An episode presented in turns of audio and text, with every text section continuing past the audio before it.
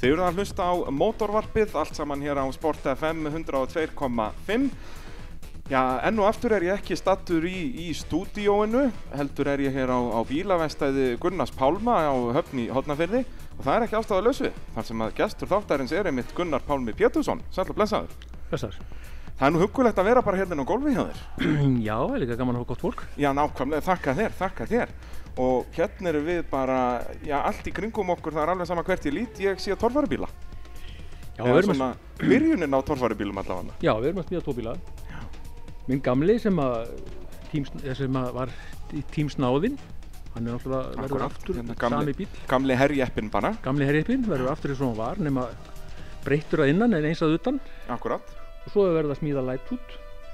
Já, sem er þá- Lightfoot er sem sagt, þetta er bíl sem að þið keiftuð frá Noregi Fyrir hvað, eru komin tvö ár síðan? Já, það er komið tvö ár síðan. Já. Og það, það lá nú alltaf fyrir að smíða bíluna aftur upp en í sama útliti en eins og ég segi, með, sa- með sama semst útliti en, en annað innvóls, lettari, stærri örliti því að fyrir aukum að var náttúrulega lítill hlutulega. Já, og er það alveg svona, þó að muni nú kannski bara einhverjum, já, 10-20 cm um ökumenni Þarf þá bara að endur smíða bílinn alveg Í grunni sko, ef að aukumæðurinn er það stór að þá þarf búrið að fara upp Já. og þá eru náttúrulega báðir bóðarnir, aðarbóðarnir undir og þá ertu komin með svona já, allar, alla festibúnda í Í rauninni rauninni. veltibúri endar Já. alltaf í þessum aðalbóðum Já, og ef þú þarfst að skipta um þá að þá þarftu að skera þetta allt í í búta hvað sem rauninni er sko. Bílinn voru 20 ára gamall já, og alveg tímabært að, að nútíma væða rörin til dæmis já og Bæði- þetta var náttúrulega líka svolítið mikið eða það ekki að hann- sem Arne Jóhansen sem smíðaði bílinn Mhm. eins og mm segir fyrir 20 árum já, búin að þróa hann mikið á þessum tíma og maður sá það svolítið á grindinni að það var svona hérna var búið að taka eitthvað og hérna búið að bæta eitthvað við og, já hann er raunin búin að smíða bílinn fram og tilbaka já, og og undir að síðast hann náttúrulega búin að þróa bílinn þannig að hann aktaði vel fu- algjörlega fullkomin í akstri Já. hann þurfti bara að leta hann og, og eins og ég segi, setja nútíma rör þunnveggja, sterkari og, og grænri Akkurat, akkurat. Uh, mótorvarpið að að sjálfsögðu í bóði AB varahluta, innvjala og bílapuntsins. Þannig að já, ef að fólki vantar varahluti að þá getur það skottast í, í AB varahlutu og ef það vantar verkfæri til að skipta um varahlutina á að þá getur það farið í innvjalar. En ef það treystir sér ekki til að gera neitt að þessu getur það bara farið í bílapuntin á, á, í Reykjanesbæ og, og láta það redda þessu fyrir sig. En svo náttúrulega ef menn eru hérna á Suðurlandinu á maður að sjálfsögðu að koma hérna á, á bílavestæði Gunnarspálma eða ekki. Jú, það Er þetta bara almennt, semst, almennar bílaviðgerir hér? já, ég sinni flest öllu nema stórum bílum Já, þess að vörubílar og, og rútur og þess að ég tek það ekki nema þegar þú ert að smíða þær svona hérna inn á milli. e, já, reyndar, reyndar, reyndar, það er svona ekki aðri Það er, það er smá tröll hérna, við getum nú kannski talað eins um það hérna, tröllið sem er hérna fyrir utan, Hva, hvað er þetta? Þetta er rinni koktel tveggja bíla, eh, 5500 ram, dráttabíl og, og sprint er 519. Þessa bíla saminuðu við báða. Já, Sérst þetta er ramin undir, sprintirinn ofan á.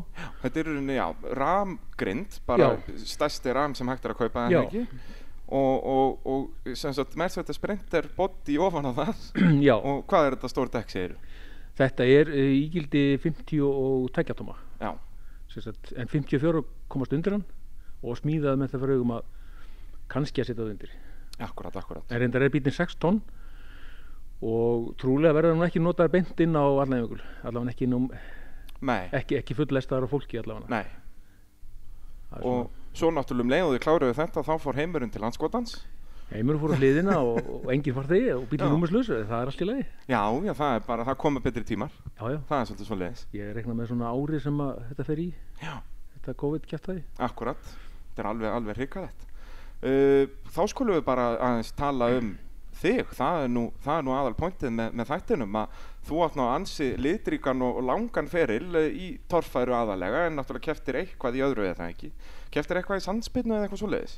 e, já, ég hef nú svona blandað þessu saman Já, ég byrjaði 88 í Torfæru og ég er rauninni þá, ég var á einstöðum og, og eftir að ég var búin að eðalega bílinu þá ákveði það að þetta væri nú búið, ég væri nú hættur þessu kjæftæði já þetta er þarna, hvað, er byrjaru 89? nei, 88 88 byrjaru? svo um kvöldið þá er náttúrulega haldið hóf allir honum fullir og svo fór með velum fyrir einhver, einhver æfintýramennsku þá ákvæði ég halda áfram Já. þannig að það er ístamönum að þakka Þetta, já, þe- þeir geta, þeir hafa margt til að þakka þeim fyrir. já, sko. ég fekk velum fyrir einhverja, vill- einhverja villisu fyrstu kemni hér Já, þú mætir þarna á bara þínum, þínum jeppa í rauninni Já, já. Í, í þá gödubílaflokkin sem þá var já, já.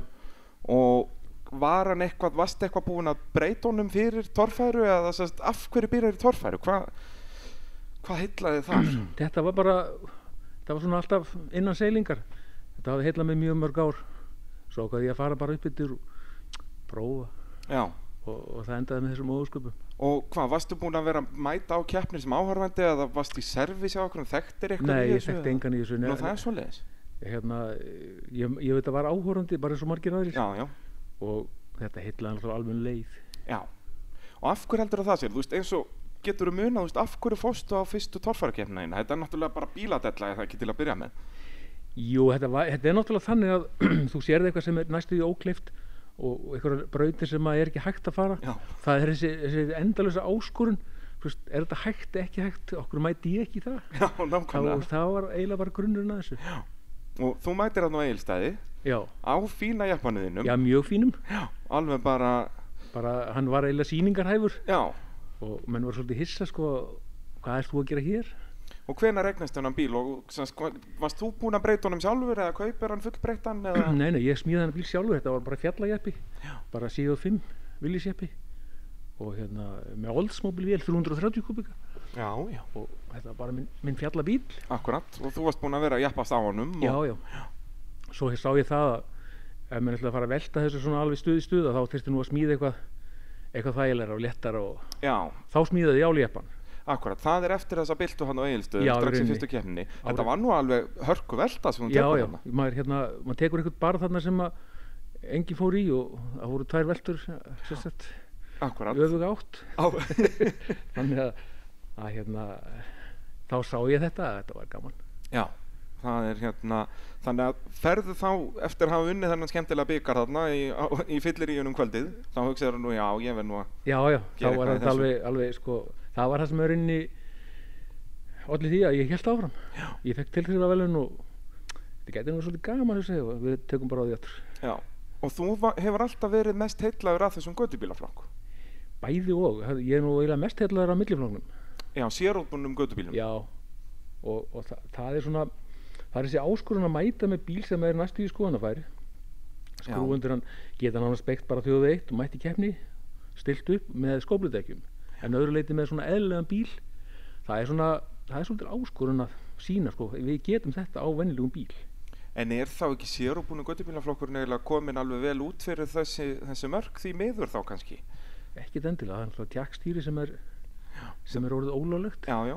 og, og svo dekkjabúnaðurinn annað er nú svona bara löglegt Já, en ég meina, er ekki í rauninni í reglunum þar, er þetta ekki í rauninni, einu reglan er að það þarf að vera einhvers konar bíllag á bílnum Jú, og reyndar. sæti fyrir tvo. já, En þú veist, væri þá ekki nóg bara að mæta á eitthvað af þessum tvíbreiðu bílum og, og, og setja BMF-grill framann á hann. e, já jú Þú veist, hvernig sjálfsagt út að þetta er náttúrulega bara svona, svona vafamálega þannig, hvað, Já. er- hvað kallast bíllag? þetta er náttúrulega mjög gráðsvæði það er bara það sem mér finnst, finnst þér ekki Akkurat, akkurat. Alveg vel En á þú ert náttúrulega eins og bara með, ef við förum aftur í, í bílinn sem er hérna fyrir aftan okkur, uh, sem er þá gamli snáðinn sem þú ert að Já. Mhm. endursmíða núna, bara gamli herjeppin. já, Þú ert alveg að fara ólinn í það að, að hafa þetta gamlan villisjeppa. Það sjáist mjög greinilega að þarna erum við að tala um gamlan villisjeppa. Já, já, og svo þegar ég fer í skoðuna þá, þá er engin vafi, hér er að koma bíl sem er fullkomlega löglegur eins og hinni bílanir með ljósum og öllum takjabúnað innan og Akkurat. bara fullkomlega lú bíl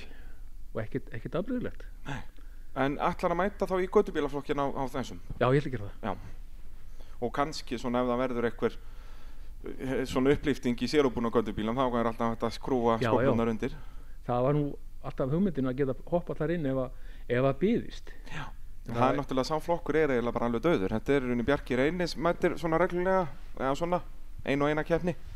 Og svo er þetta í rauninni ekki, já, það er þessi bíla sem voru að keppi í þessu, menn f- áttuðu sig á því bara frekar að skrúa ísöðnar undir og fara í alvöru keppnina, sko, eða þessast stóra flokkin. Já, já, það þetta heillaði langt mest að vera þar Já, þetta þar voru náttúrulega voru bara fleiri bílar, Já, það var meiri já, já. samkeppni. það, það er bara svo lýs En hvenar mætur þá fyrst með, með áljeppan og, og hvað, svona, hvernig, hversu langt prósess var það að smíða þann bíl? Það er 89, þá, þá kem ég á ljöpanum Já, ok, en þetta var bara þarna einn vetur í rauninni bara, Já, Ég sá og að hvað þetta um- mynd- eiðilaðast hann alveg hinn eða semst hendur honum Já, eiginlega hann, bara? hann var í rauninu ónýtur. já það er svo leiðis Já, ég- hvernig ég- þá var hann nei, bara heyrðu, orðin það- grindaskakkur og Já, ég, það, fó- þetta fór allt í stygg. það er svo leiðis Já, já. Og hérna, ef ég er kannski að ruggla, það var, það, það liður tvö ár, hún á milli. já mæti 90 Já. Já. Og hérna, það var í rauninni hugmyndin að fekk ég hjá Gunnar Guðjóns. já Hann smíðaði áléppa og þetta heillaði strax. já Og ég fór í þann pakka. og hva, af hverju heitlaði þetta þetta er náttúrulega mikið léttara Já, og svo, svo líka, sko, byggingalagið á gamla herjappanum er þannig að það er svona fyrir svona venjulegan mann í skúr, þá getur þú smíðað svona bíl. já Það er þetta enga- er rauninni bara Það er enga floknar útlínu sem þú þetta... nei þú beygja. getur byggt þetta bara líka við á einhverju borði og svo Já. bara hnoða þetta saman Já, þannig ég mældi bara bíli hjá hann Ríkari Jónasinni á Breytasík sem átt heima þar, var keppandi og risaði niður og og bara byrja smíð- smíðaði bíl. já ekki flókið mál Nei, ekki flókið mál. en þá byggt á sem sagt þessari já á, á, á villisgrind Já, síðan hérna stækkaði ég bílinn, ég lengdaði hann um 10 cm og brekkaði. Þannig að hlutöldun er rétt en hann er bara aðeins stærri.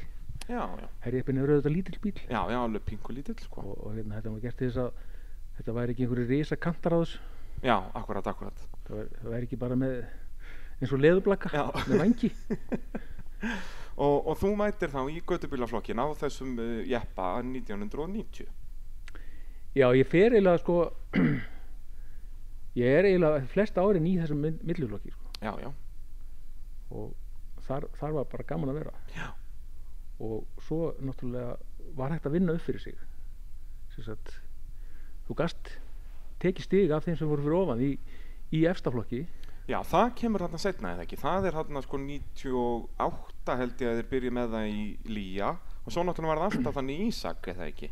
jú, þá, þá vann ég þarna upp fyrir mig vann ég reyni báða flokkana Já, það er setna þarna, það er 2000 eða ekki. Já, og þá eftir það þá var það klift á að það veri hægt já. það var svolítið synd vegna þess Já, að já. algjörlega. Jú, Það er Já, það er inni- ennþá en dag í dag. Það Já. er þetta ekki leifilegt Ég- sem ég finnst alveg fáralegt. því, mér finnst þetta algjör synd vegna þess að þú ert svolítið að að sína hvað þú getur og gera pínlítið lítið úr hinnum floknum en, Mhm. Auðvitað. en auðvitað sko verða þeir að standast betur bara Já, út af því að það er Veist. í mjög augljóslega í reglunum eru Já. all, sest, allar aukareglur í sérúbúna Já. göttubíla eru hindranir. Það er ekki, Já. það er ekki, engin plús við að vera í sérúbúna Engin göttubíla plús. frekar en sérúbúna. og svo þegar mér tókst þetta að þe menn voru bara fúlir sko. Já, ég vil bara segja það alveg svo er Já. að menn voru bara fúlir sko. hvað ert þú að gera Þeim- hér? Já, en þetta er bara, þeir eru ekki að vera fúlir, þeir eru bara að vera fúlir út í sjálfa sig, ef eitthvað er. Já, ekki mér fannst fúlir út í þetta bara skemmtilega orkun fyrir mig Algjörlega. og, og hérna, ég er ennþá þeirra skoðunar það það ég að breyta þessu, menn ég geta unnið upp Já, fyrir sig algjörlega. Bjarki Reynisson, hann hafði unnið hellutorfarni hérna 2015 held ég að það hafi verið. Hann var með fleiri stigar en Elmar á heimasætunni sem endaði á að vinna Já, ég, sérubunaflokkin. ég er að meina þetta Já, já. En Bjarki fekk bara auðvitað sinnbyggar sérubunum Já. göttubíla. Hann fekk ekki, sem sagt, hann er ekki skráður sem sigurvegar í keppninu overall þó hann, jú, er með flest stíin, eða Já. sem sagt, þú veist hvað ég menna. Já, en, ég Sem man, er grítið. en þetta, þetta var svolítið sérstætt í að ég þurfti að fara held ég fimm sinnum upp Já, til að ná í byggarað sko. ég, Já, var- já. ég var með fimm en kærlikefnina og, og þetta var ekkert leðilegt nei, nei, þú hattar það ekkert. alls ekki ég, og, En ef við förum þá aftur, sérst aftur í tíman, svona leiðum okkur upp að þessu augnabliki, að þú mæti 90 og þá er svo sem ekkert eitthvað mikið að frétta svona áranguslega séð, allavega ekki strax þetta. Þú þú þurftir svona aðeins að já, ég venja man, þinn á þetta. við vorum að þreifa á þessu Já. og þetta var aðalega peningaleysi sem að, eins og alltaf er Já, það vil Og- svolítið henda svona áhuga manna sport, að það er, peningaleysi, tímaleysi Já. og ég var að byggja vekstaði já, þannig að það var ekkert, þetta var bara svona algjör afgangsstærð þannig akkurat, akkurat, og farið miklu meira á, á, á sko bara einhverju bjarsinni já. með, með náttúrulega lítið úrvala varanlutum Já, og náttúrulega kannski líka reynsluleysi sko almennt, ekki Já, bara já, já. sem ökumæður, heldur líka bara sem já, þáttakandi já. sko. það var allur pakkin í rauninni Já, þetta En var það tekur bara dálítinn hoppaði tíma. djúbulögina. já það tekur alltaf svolítið tíma sko, að stimpla sig inn Hvað myndir þú segja ef þú værir að fara að gefa bara ungum keppanda í dag í torfærunni eitthvað ráð? Hvað er svona, sta, svona hvað voru stærstu mistökin sem þú gerðir hérna sem, sem byrjandi? ég gott að segja hann, það, það hefur hversins aukur stíl Já, já, sem eru bara aggressífir og sérstaklega þessist hérna ef ég, ég sko, það er náttúrulega eitt sem ég get alveg gefið sem besta ráð í heimi það er að vera koma úr mótuhjólageranum eða Já. snjósn- snjósnæðageranum það er grunnurinn að öllum mótorsporti það er svo leiðis. Í- það er bara þannig þú ert búin að lesa í rauninni landið lunga áður en þú kemur að eins og hjólastrákanir þeir eru búin að lesa þrautirna lunga uh, áður en þú kom að þeim sko. já, er það ekki líka þannig eins og sérstaklega í torfæru að þú vilt frekar hafa sko, já, motocross eða snjócross bakgrunn frekar en jeppa bakgrunn miklu, miklu betra það, það torfara hefur í rauninni ekkert með einhvern Nei, þú, fjallaakstur að þú gera sko. græðir ekkert á að vera jeppamaður Nei, ekki ég, neitt. ég, ég, ef, ef eitthvað er það háðir að þér Já, og það er aldrei með strákandi mínir þeir hafa grætt langmest á því að að koma úr hjólageirunum Já, maður sá bara eins og Snorra Já, Þú veist, Snorri hann er kemur úr gott dæmi um þetta, motocross og maður sá líka bara hvernig hann kerði bílinn hann Já. kerði hann algjörlega á gjöfinni þegar hann er Já. að stökkva og svona maður sá bara, heyrðu, já, hann heldur hann sig á krossara já, og eins, var, og eins með Jón Vilberg Já. þegar hann kemur Nákvæmlega og það er sama. bara alveg sami pakki Já.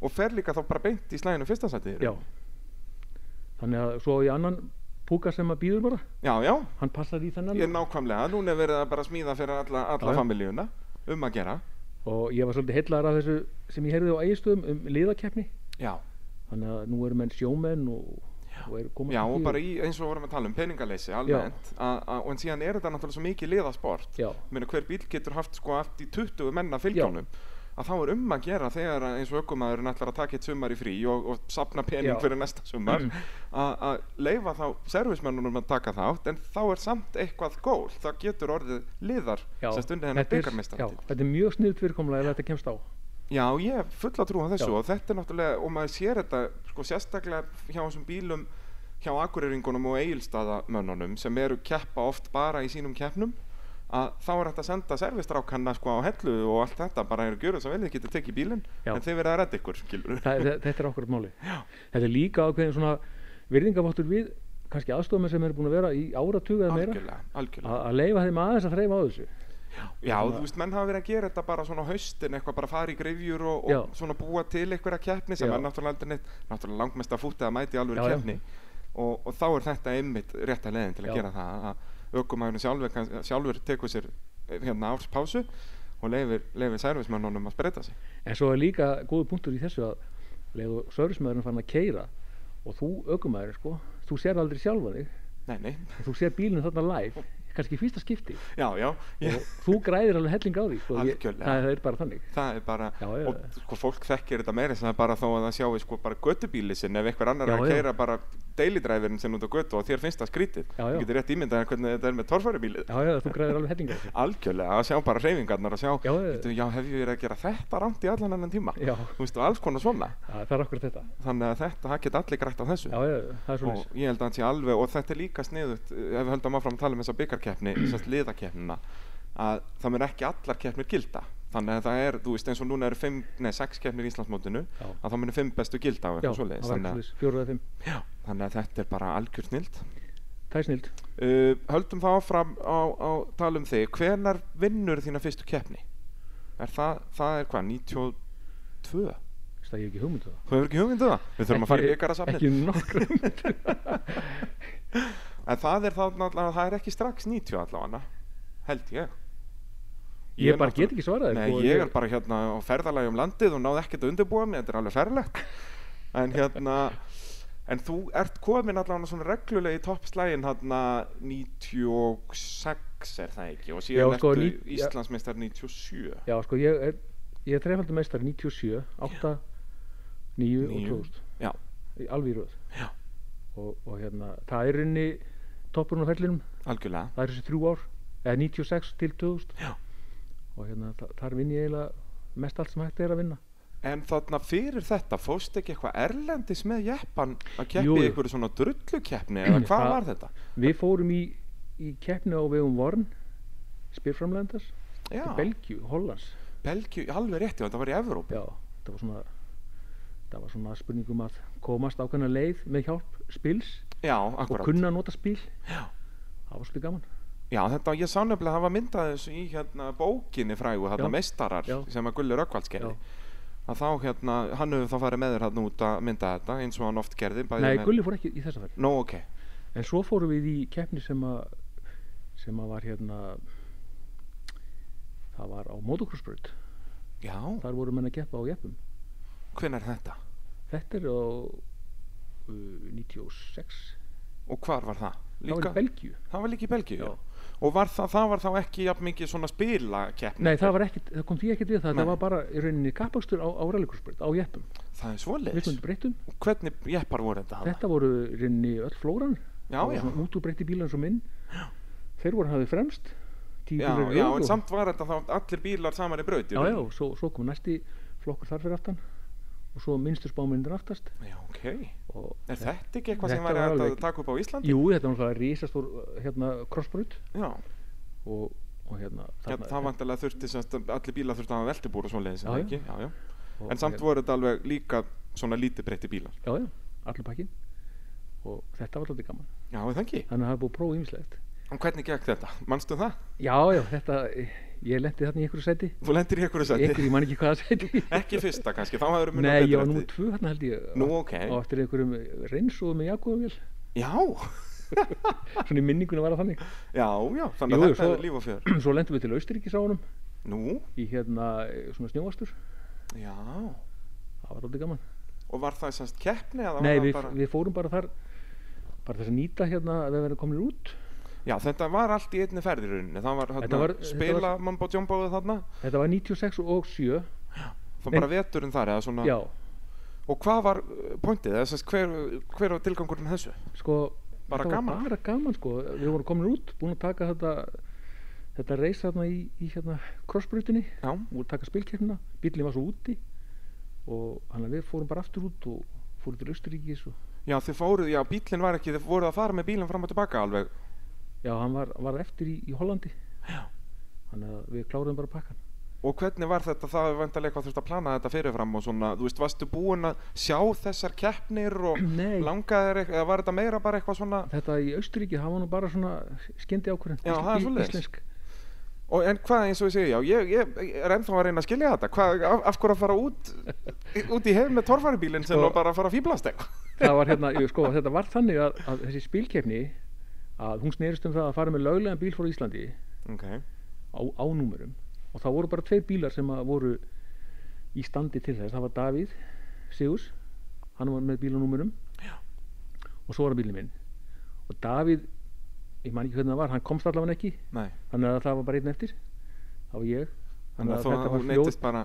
þetta var svo sem ekki flókið En var þetta þá eitthvað í s- s- gegnum lýja eða eitthvað svoleiðis? Nei, þetta var gegn bílabú Benna Það er svoleiðis, Já. það er tengingin hann er þarna. náttúrulega umbústæðileg fyrir vorn eða var, Akkurat, akkurat, þannig að þetta var svona eitthvað Já. hérna Það var eitthvað tenging hann, þetta Já. var ekki bara þú eitthvað á, Nei, á, nei. að skoða tímarit og fannst þetta sniðut Nei, og það var rauninni sko Benny og, og Jón bróður hann sem ákvaða þetta Ok, ok, þannig að að fara þann út og, ég, ég, ég hérna, hef kannski aldrei þakkað mannmjöla fyrir það ég gera það hér með Já, ég nákvæm, hér með eh, þökkum við bílabú Benna og, Já, og, ég og, segi og, það. bróðir Benna Já, Þannig að, þeir, þeir stóðu sér vel í þessu og, þannig að þú ferð þann út og keppir í þessum tveimur keppnum þar mm Ferð svo aftur með bílinn heim og ferð með hann aftur út, nei, þú gemdir hann í Hollandi Já, ég gemd hann í Hollandi Um ekki.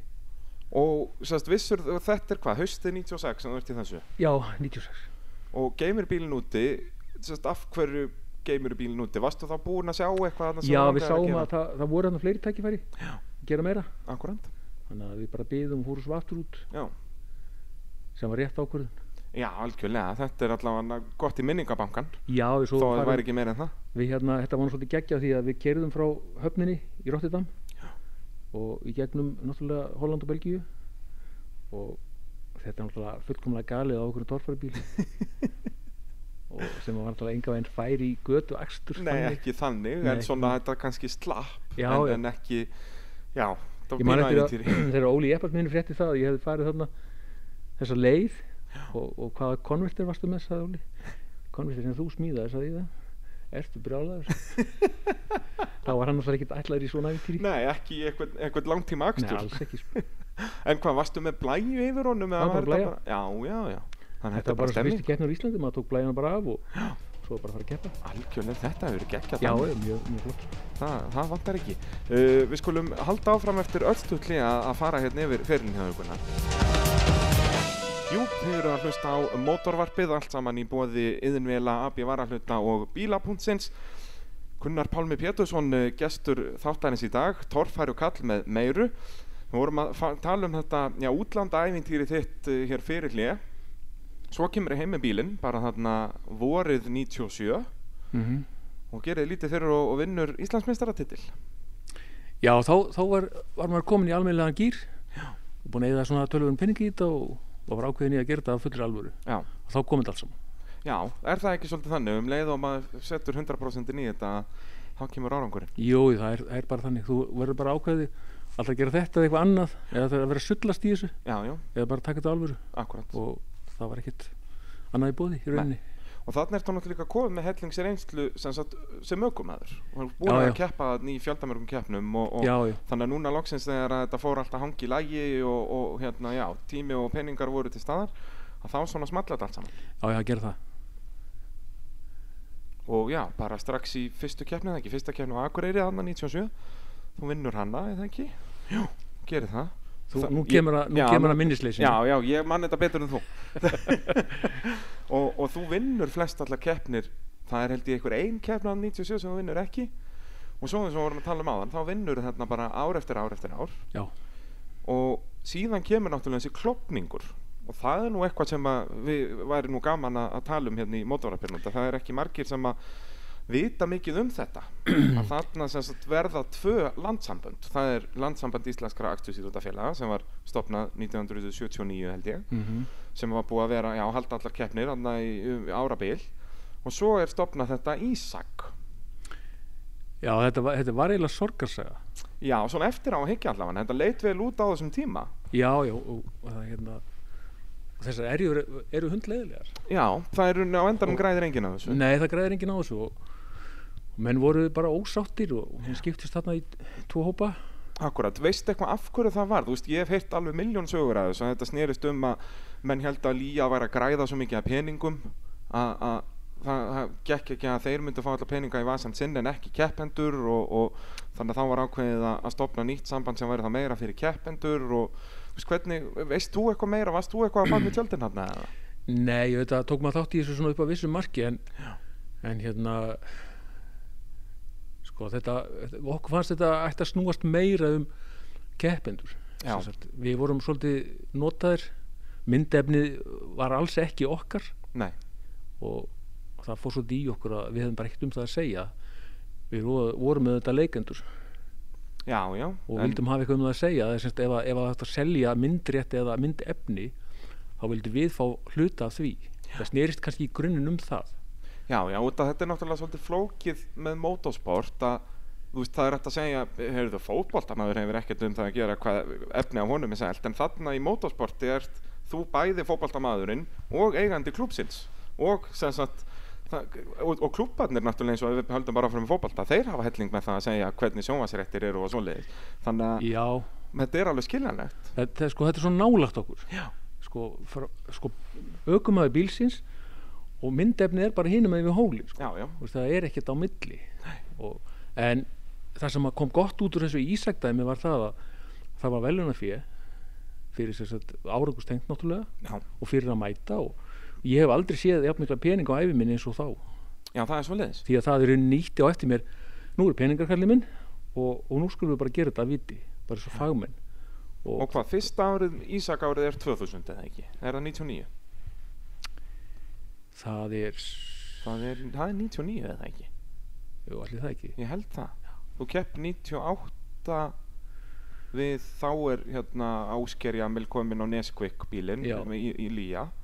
held það Svo er þetta, þetta er annarkvort 99 eða 2000, ég bara reynlega maður. 99 þá vegna að segja að eh, 2000 síðasta árum mitt Já, þá er þetta hérna 99-2000 Já. ef þú tekur tvö ár með Ísak. þá Það er náttúrulega, og síðan náttúrulega eins og fyrir mig sem að sko horfði á alla motorsportættina ég horfði mjög sjaldan á Ísak þættina eða sérst ég horfði á þá en ég á þá ekki til nei þú veist, ég horfði á það þegar ég voru að skjá einum í beinni Já, skilurðu, akkurat, akkurat. en ég síðan hef ekki hort á það 150 sinnum síðan þá eins og með hinna þættina Nei. A- a- þannig að ég man, þannig er ég alveg blank sko með hver vann hvaða keppni og allt svoleiðis Já, akkurat. En til Sem er dæmis, synd, en þetta á að vera til eitthvað staðar eða ekki Já, Það jú, hlýtur jú. einhver af að tekið þetta upp en svo var náttúrulega gullrót eins og alltaf að fyrir að verða Íslandsmeðari sem sagt í í sérubúna að þá voru fjóra miljónir í velun fjórar miljónir já, og þetta er árið 2000 þá þá Árið var nú 2000. fjórar miljónir mun meira en það Já. er í dag en þá var farið að fjara undan hérna batterínu já.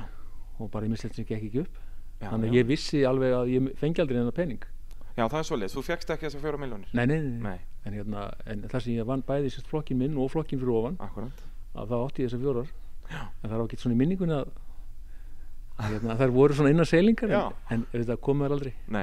En allt hvernig- annað kom. Voru líka einhverju svona bara mætingabónusar og, Já, þannig já. Bara, og voru það þá hvað, bara einhverju tíu sem kallar eða Nei, nei, ég, ég fekk fyrir að mæta 100 áskall Það er svo leis, bara Já, þú já. skráði í keppni 100 ásum krónur Já, já, og, Og- þannig og- að keppniskjöld voru vantarlega þá ekki neitt ef, þú- ef það var verið að borga Nei, þér ég- fyrir að mæta ég fekk fyrir að sko bestu keppnina voru 400.000 Hvað, Bara í beinum 100 fyrir peningum. að mæta og 300 fyrir að vinna Já, að taka sér tilþrifin, fyrsta sæti Já, og já, mæta það var sér peningur fyrir Já, tilþrifin Já, En mjön, hvaðan kom allir þessi peningur?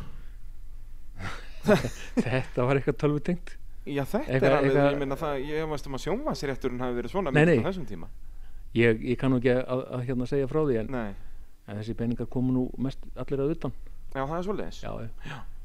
Já, þetta hefur verið svaka, svaka dæmi að keppa þarna.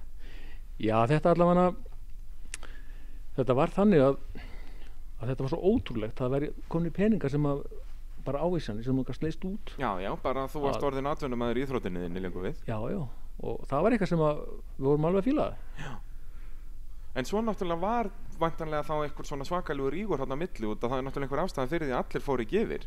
Ég meina, það voru ennþá flottar keppnir á lýja þarna og þar voru menn Já, nú ekki já. að fá 100 ásum kalla fyrir að mæta. menn voru bara með sk- að- sko, sko- skoðanir manna á þessu voru bara skiptar Já, það var, og þá fórum við í tvö lið og þetta var eiginlega djöfulegt já, í rauninu út að síðan sko eftir þetta, þetta eru svona gullaldar árin þarna. já, já, Þú veist, ef við horfum eins og bara á sumari 2000 að keppindur í torfæri voru ábygglega vel yfir 40. já, og já. náttúrulega keppnirnar sjálfar voru hvað, voru þetta ekki, þú veist ábygglega átta hjá Lía og, og 6 til átta hjá þetta var Ísak, alveg hellingur bara endalöst að Já. keppnum þannig að, en síðan fer þetta í rauninni allt á hliðin hann árin eftir já, sko, ég- þetta- sko mitt viðþórn til þessar hérna mála var þannig að ég fekk svo mikið ógeð á þessu að eftir 2000 að þá horfði ég aldrei á kefni, ég fór aldrei á kefni já, það er svoleiðis, þú ég, fegst bara, bara upp í ég, kók ég seti bara sko nú, nú er komið gott, ég ætla ekki að taka þátt í þessu af hverju fegst þú svona upp í kók? bara út af öllu þessu hérna reyfrildi og öllu þessu kjæftæði kringum þetta sko. Menn og voru bara- rifrildin, ég menn hvað snerist þessi rifrildi um? Um var sn- þetta, þau, þetta var alltaf um sjónvarsrétt eignarhald á sportinu, já ætlað eignarhald og hvað, menn voru ekki sáttir með þá Lía, eða þeir sem að voru þá áttu eignaréttin aðeins, sem eru þá Byggi og, og Bragi og, og, og, og fleiri já ég kann nú ekki að segja alveg kannski rétt frá þessu öllu nei, nei, þetta er náttúrulega löngu flókinsaga Já, og gerist fyrir löngu síðan sko. Já, já. en bara svona að reyna að fá eitthvað að mynda á þetta Svo... Svo- ég, ég er fættu 93, ég var 7 ára þarna og Já. grenjaði bara yfir því að að- að það var ekki lang- jafn mikið motorsport í Já, já. sjónvarpinu. en Þannig að- þetta er eitthvað sem að maður vil leggja bara sko til hlýðar og helst ekki hugsa um Já, og en náttúrulega samaskapi verðum við að draga lærdóm að þessu já, Það er Við verðum að algjört gera það. lykilatriði, ekki fara í sama horfið aftur Nei. núna sko.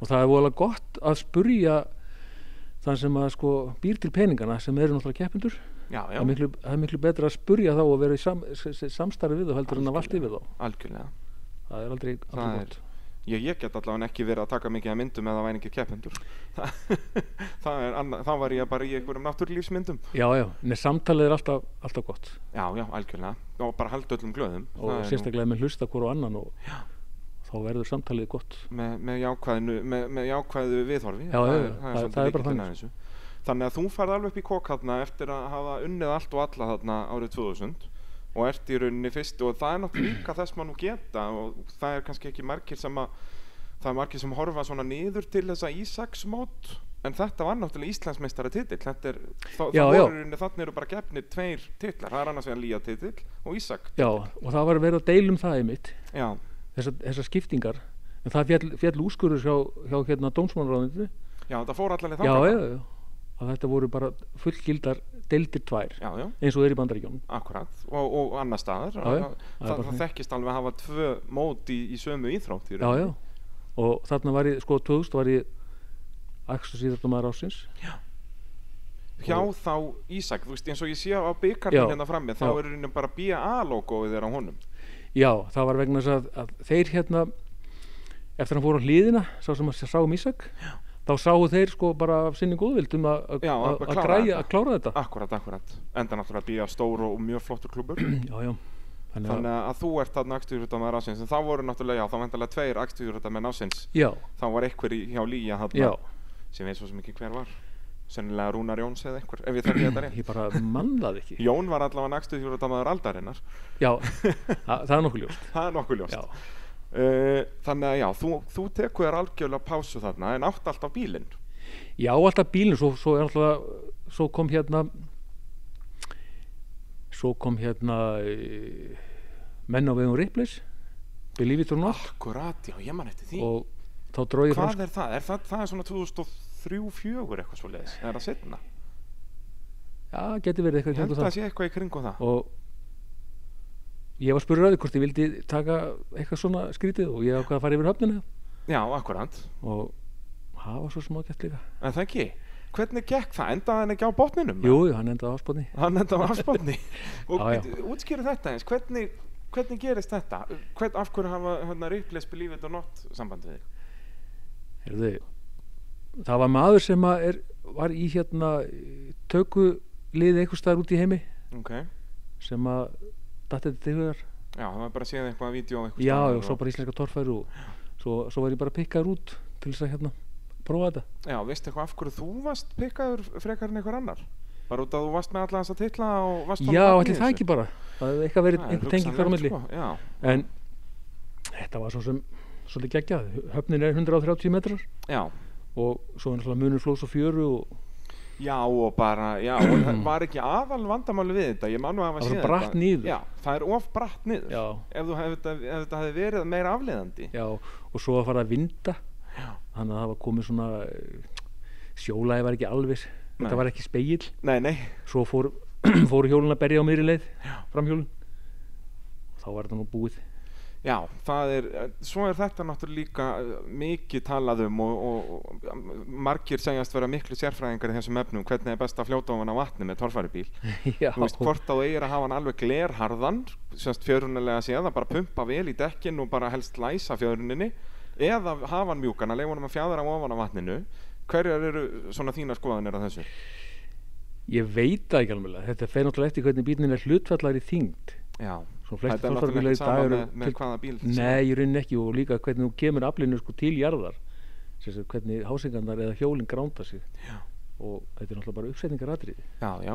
og þetta er náttúrulega líka svona hlutur sem að fólk er ekki mikið endilega að prófa og það getur verið mjög dýrt að prófa ef þú síðan ef þú veist, Já, bleitir já. vel að þá er það farnar einhverja miljónir en það er nú yfirleitt þannig að að hérna, létta felgur, vel balansur og dekk já og ekkert endilega sko bara fínmönstru belg mikil Já, ekkert endilega sérst, ausudekk, skóplurnar Ekkert virka alveg endilega. að vel Það er náttúrulega minna viðnám, þetta er náttúrulega sko bæði skóplurnar kannski sko grípa meira en, en að minna já, í rauninni sko bara venjuleg jeppadekk bara 38 tómur dekk Já, svoleiðis, það gerir alveg að sama heldurðu það? já, þegar hraðin er nógu mikill Já, þú ert í rauninni ef við horfum á þetta svona hraðalega síðan þá ert í rauninni að keira á föstu já, en þarftu samt ekki alltaf sko, er ekki alltaf verið að tala um að þið vantar þessa hröðun Það Jú. þarf alltaf að vera hröðun, um leið og að ferði í hámasræða að þá byrjar allt að skoppa og þú sekkur endan já, ég er svo sem er engi sérfræðingur í þessu en mér finnst allavega að þegar að, sko ákveðin hraða er náð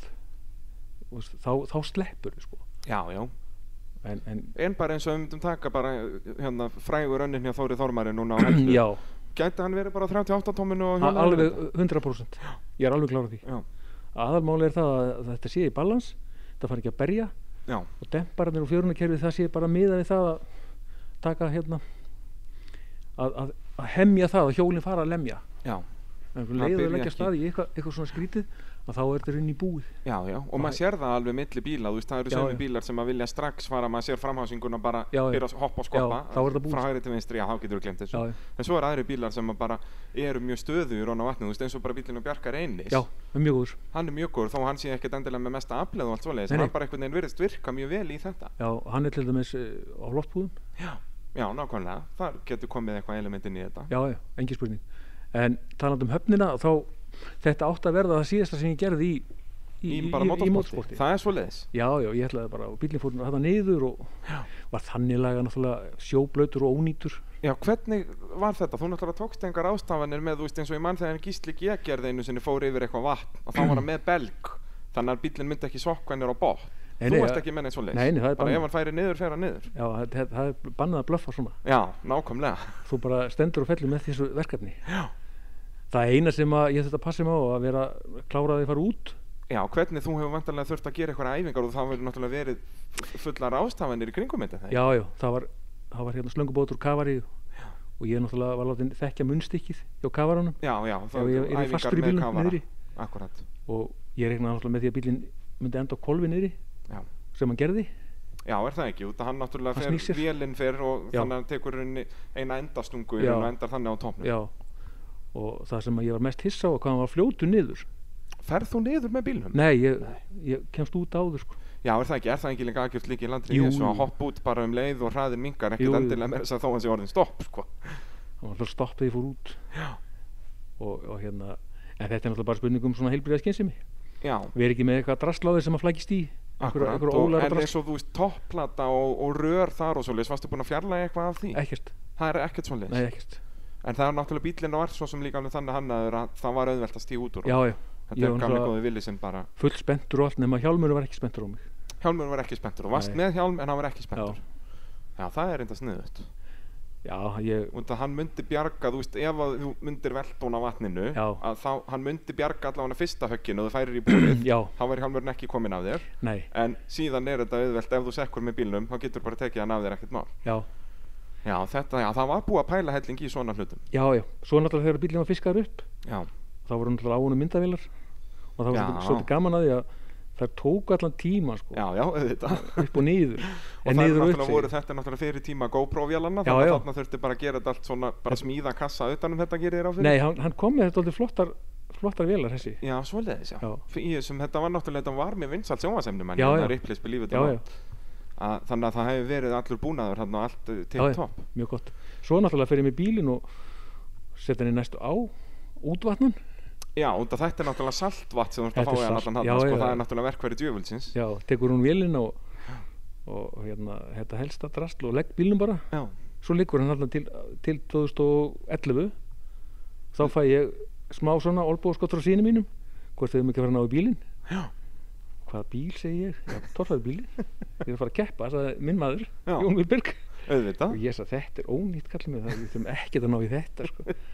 en en býtum já, hvað er gemdur, hann var hann bara eitthvað út hann var bara hérna í sveit hann var bara inn í sveit hann er við náðum í bílinn og þetta var náttúrulega ónýtt já, hvernig sko, út að, já, þi- hann fer hann onni í sjó og, já, og hérna en eins og með belti á þér og svo leis þegar þú gerir þetta stönd þarna varstu búin að, keiftur í sér belti fyrir þetta Nei. varstu með bara bara það sem var í Jón og varstu búin að prófa það þú veist, neðan sjávar að- að Nei. hvort það myndi eitthvað virka nei, og ekki neitt það þurfti ekkert nein, það voru kafarar þarna sem myndur þetta já, já, en eins og ég segja, hann fer þarna út í, út í sjó þú, þú tekur vélin úr honum þú nærð alveg að drepa á honum áður en hann sekkur já já, þannig að hann fyltist ekki á sjó nei, hann gerði það ekki ok Uh, og tekur svo þrývar hann náttúrulega þannig að sé allavega ekki salt í honum lengur Já, ég reyndi það, það er eiginlega ekki hægt að þrýfa sjóblöðan bíl. nei, Það er bara vonlust verkefni vegna þess að þrýstingur sem það niðri að hann er náttúrulega meiri heldur en í einhverju á.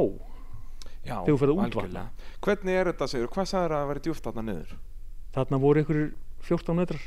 já, þetta er alveg samt það mikið þó að þetta sé bara að bryggja Já, þarna já, það er það. þannig að hann fer alveg já, vel, vel á bólakaf Já, já. og, og, og hvernig var þá ástandið á honum hann 2011 þegar þið farið að kíkja á hann var hann Ha- bara horfinn af riði eða Þetta var náttúrulega sko bara sorglegt að sjá. Ég var ekkert að spá í þetta. Ég, ég ætlaði bara að hafðir henda ekki þessu. séð hann hann bara í einhver fimm ári Nei, nei, ég var ekkert að spugla í þessu og og ætlaði bara að leifa hann að fara þarna. já, leif honum Og hérna ég á sínum mínum það að þakka að hann er hérna ennþá. já, og, og hérna, og hann nöyðaði í mér og, og svo fóruð og náðum í hann og svo hófst- hófustu bara handa og smíða bíl já, og þetta var nú útkoman sem betur fer já, algjörlega en þeir runni, hann er alveg endursmíðaður er það ekki þarna Jú. Svona, eða svona upp að hvaða marki er hann endursmíðaður Hva, hversu mikið af orginal bílnum sáum við þarna hvenær kemur hann fyrst í keppni 2012 já við sjáum náttúrulega grindina og, og það allt saman já það er ennþá Já, já, orginal hási- eða sem hásingarnar. sagt frá 1990 eða hvernig sem já, var. hásingarnar og, og síðan kemur náttúrulega mótor og það kemur allt í hann aftur nema að bodyið var smíðað aftur Já, álið var allt náttúrulega orðið já, meginvill að farið og búið já, að vera já, Það er Það- svolítið þannig og hérna og rafkerfið og allt slíkt Já. en annað kom bara En eins og við var þetta sama vél sem þú notuð Já, það er saman bíl. Og svo reyndar að skipta um mótor þarna, nei það var búið að skipta um mótor hérna, ég var búinn að kaupa vél sko, og ég fekk tjónabætu fyrir bílinn þegar ég fór niður Já og inn í því var nýr mótor sko, flottur mótor inn í hérna þegar þú ert að fleitið af vatnið já, já, ok, það var skrifað upp á einhverja uppæð sem að, einhverja x uppæð max sem ég fengi greitt fyrir ef ég myndi skemma bílin já, ok og það var að samkomulega að ég fengi bara mótor sem lág hérna inni náttúrulega öllis ár já, já, Þetta það var meðan að kallað bílinn kaffivélin, sko. bílin var að grotna þarna úti já, að- að deyja friðsegum döðdaga að þú helst já, svo þegar við endursmiðum bílinn að þá fer, sá mótor í hann þessi ónotaði sem að var hérna inni á kaffistofu bara að gera gott mótin á kaffestúr já, var, var bara kallið kaffivillin það, það var nú bara þannig já, já, mjög góð kaffivél já, já, og, og þannig að hún fer onni þarna Já. og, og þið, hvað var þetta? Var þetta bara einn vettur að, að græja já, eitthvað slúðis og þetta er í rauninni að þið smíð að- hérna, nýtt veltibúr og svoleiðis já, Já. nýtt veltbúr en, en onna á gömlu grindina Já. og, og svo náttúrulega nýja álbótið í mann þegar þið komið bílum fyrst hann þetta var alveg algjör draumur S sjáum við henni ekki fyrst bara á bílasýningun á BA kom hann í keppni fyrir það ég held ekki hann kemur kemur hann í kannski vestmannegar eða eitthvað svoleiðis Jú, Var hann það fer í ekki fyrsta Vestmannaeyjar. keppnin þarna? Já. og svo, svo tökum við hérna eh, smá hérna rifræs á hann og mætum á síningu Já, hann var alveg geggjaður, ég man að þið voru hliðin á mér hérna, ég var á ógeðslegum Station Subaru rallybíl og þið þannig hliðin á mér og ég, ég var búinn að sko bara, hérna, var búinn að kústa bílinn minn, hann var ekki einu sinni búinn að bóna hann Þannig að mér leið pínu eins og fá þetta þarna að vera hliðin á En- ykkur já, já, við varum kannski með líka svona svolítið spes uppstillingu Já, voru þarna með krossarann líka og varum með hjólið yfir Já. og svo að vera stökkuð í bílinn Þetta var geggjað sko og hérna aldrei gaman að koma eitthvað nýtt sko. Já, ég segi það, eins og hérna Þór gerði núna, var það, það var ekki algjör snild Þegar þeir hýfðu bílinn upp í sömu hæð Já. og hann flög á eilstöð algjör snild, bara eins og þú segir, eitthvað nýtt, eitthvað öðruvísi Já. þó að þetta sé bara bílasýning, það Já, er já. alveg, það er endalessi möguleikar sama afstæða, sama hæð alveg bara, og þarna gáttu krakkar og, og fullotnir tekið mynda sér með, sko vel undir bílum það var ekki einu sem hægt að snerta hann sko. þetta var, þetta var algjör snild þetta var alveg gekkja já, og hérna, þannig að þið komum með bílinn Jón byrjar að keppa og eins og við vorum að tala um áðan, hann er með hennan krossara bakgrunn já, og þá fyrir hann bara beinust til að keppa um fyrsta sendi í, sem sagt, göttubílaflokknum þá er náttúrulega Já. göttubílaflokkurinn hann búið að rífa hann upp aftur eh, 2006 er, er það gert Steini Bjarnar og Palli Páls mm Mhm. mætir menn hann að koma og, og rífa hann upp og, og svo hjálpuðu þið líka með uppbygginguna með að koma með, þennan- með þennan bíl auka flóruna en þessi, þessi krossara grunnur já, að í rauninni þarf, sko minn maður ekki nema tvær brautir og þá var hann búinn að reyna að detta inn í þetta já, hann, kemur, eiginlega- að hann, hann er eiginlega fullskapað þá Já. hann þurfti bara alveg brekku og, og smá tíma og þá var þetta komið hvernig er sem sagt með hvað er svona helstu hvernig er best að orða það, helstu treytin eða þannig, þú ert að keppa í torfæru þú veist, ég hef nú prófað torfærubíl og mér leið alltaf eins og hann væri að fara að velta þó Mhm. að ég væri bara í svo gott sem engum halla að er snýst þetta ekki svolítið um bara að reyna að láta hann velta sem fyrst og þá veistu hvenar hvað er limitið Jó, ég reyni sko ef þú hefur eitthvað ef þú hefur hérna þetta í þér já, svona eitthvað að töts þá þarftu að rúlla bílum á alla kanta já, bæði sem sagt í hliðaralla Já. og aftur fyrir sig og, og eins og þú segir, já, alla Já, kanta ef þú ert góður þá þarftu bara eitt skipti þá er það komið og þá er, þá er þetta komið því að það hangi svo í reynslubankanum alla tíð og þarf bara eitt skipti sko. já, já, ef það er fleiri þá skaldu bara snúa þér eitthvað öðru Já, já. skýðamennsku það er þannig í grunninn já, já, ég er alveg samanlega þetta þóli miklu meira heldur en flestir halda já, já, við sjáum það nú bara í sérstaklega í dag já, Við algjörlega það, er- ég held að það sé búin að vera svona mesta þróunin í torfærin núna svona síðan til tíu ár er bara hvað þeir eru orðin sterkir bílarnir já, svo líka það var þessi miskilningur með hæðina til að byrja með en hæðin er minna mál heldur en við minna atrið ætlaði að segja heldur en að menn vilja vera láta sko. sérst hæðin á brekkunum nei, Hæðin hæðin á, á á bíl, bílnum. bílunum Já. þingdabúnturinn komið niður Já. og bílarnir frekar lágir en það háir engum bíl ekki, nei, engum bíl af, af hverju ekki sko brautirnar eru bara þannig í dag það er ekki fyrir hann að sko, í, hérna, fyrstu brautirnar er bara að það voru alvöru brautir þar sem þú þurftir að láta bílinn tegja þig tegja sig og, og þurftir bara að stutta melli hjóla og já, það er ekki lengur nei, það er svo sem góða ef punkt þú horfir á bílana þeir eru allir jafn háir já, og eða tiltúlega lágir, getur við sagt já, já, það eru bara alveg klísterjárun í þetta eru svona powerbrautir Já. og, og hérna, það hefur breyst áttu mikið já, en samt, þú veist, við erum nú alveg að sjá trikki hliðarhalla og svona já, ég- já, sko, þá er ég að meina sko, svona alvöru torfæru sem það sem að þú þart hreinlega sko að tegja þig kannski ykkur 50 cm með eitt hjól niður það Akkurat, er bara akkurat. búið Svona hérna gamla flexið í rauninni Ég segi hérna, það, sko. er að- já. þetta að, að bíla flexi eitthvað mikið það þarf ekkert lengur Nei, nei, og þú sér það að þessi bílar þeir flex ekki mikið eða við Nei, getum nei. notað þetta orð ef ef fólk skilur hvað við meinum að Já, já. þetta klassíska að setja sko fjallajappan upp á Já, já. tvö, tvö dekk sko, ef við erum að tala um svona þannig já, að það er unni þessi nýju torfara bílar eru sennilega ekkert mjög góðir í því alls ekki og ég man að þegar ég var kringu 90 að þá var alltaf viðmiðið að geta verið með eitt hjól í bóljutunnu Já, já, akkurat og þá var það orðið í lagi já, það er öll, ekki lengur hi- öll hinn þrjú dekkina snerta Ég í segi það. rauninni, sko. já, En í dag, ég er stórhef að eitthvað af þessum bílum gerir það í dag engin Ég held ekki Nei. Kanski, og hann hérna Stefan Bjarniðins, hann er með til dæla langa fjörun, hann er ekki með orri eins og hinnir Nei. Það gæti verið að hann á þetta, hann- mér svona sýnist það á reyfingunum en ég svo sem veit ekki mikið um þetta. Nei, ég ætla ekki að fullera þetta en, en svona flesti bílar eru svona svipaðar að þessu leiti Já, já, algjörlega. Er þetta, er þetta rámt eða rétt eða það er náttúrulega eins og við varum að tala um, brautirnar eru bara þannig að það þarf ekki. það breytir hafa breyst já. það er meira af svona powerbrautum Já, meira börðinn og, Og- eins og þú segir, já, power. og þú þarf svona að vera dóttir vogar í restina Já. og þú þarf að vera helvita ákveðin og ef þú ert ekki ákveðin þá verður bara niður Akkurat. náttúrulega einhverja miljón veldur Já, svona á eigilstöðum er yfirlegt bara tvær veldur, það eru til dæla stuttar brekkurnar hann, Já. en eins og á Akureyri þá getur það farið nær miljón. já, ég, ég segi það þannig að þetta er breyst svolítið mikið Já, eins og þegar að menn eru að kaupa bíla utan og Nóri já, já, við höfum Þá eru verið þessir duglegir bílar- við það síðustu ár. allir settir upp fyrir til til að langa brekkur Já.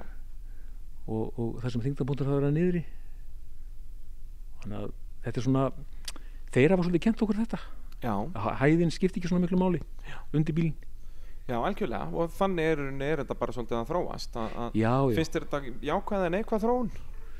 sko þessi hæð frá jörðu umfram eitthvað x mikið hún er náttúrulega óþörf og okkur skildu við verð þar Já, það er svona, þú veist, þeir fara hellingi þessi bílar já, já þurfi ekki að vera herri, Nei, nei, það bara sýnir sig er- eh, Algjörlega, menn Já. eru frekar að sem sagt, spila þetta á gjöfinni frekar en að Já. að vera að vanda sig, þú veist, upp á þetta klassiska að festast á kveðnum já, Þú veist, maður mann eins og bara 97 þegar að Gísli G mætir með nýja bílinn eða sett nýju grindina já, þannig að hún búin að lækka hann alveg helling og, og tapar hérna Sigurði strax í fyrstu keppnu við að setjast á kveðin í síðustu brönd já, og ég þá man- held allir bara hvað varst að spá með að lækka bílinn maður og svo vann hann fimm Íslandsmeistaratill í röð já, já, að að þú verður náttúrulega að- að spila á þetta já, já, það er svo liðs að, en, en hvernig svona finnst þér ef við förum aðeins að tala bara um sem sagt, þróunina á, á sportinu síðastliðin ár eða bara já, frá því þú keppir þína fyrstu keppni og, og daginn í dag hvað er, hver er helsta breytingin?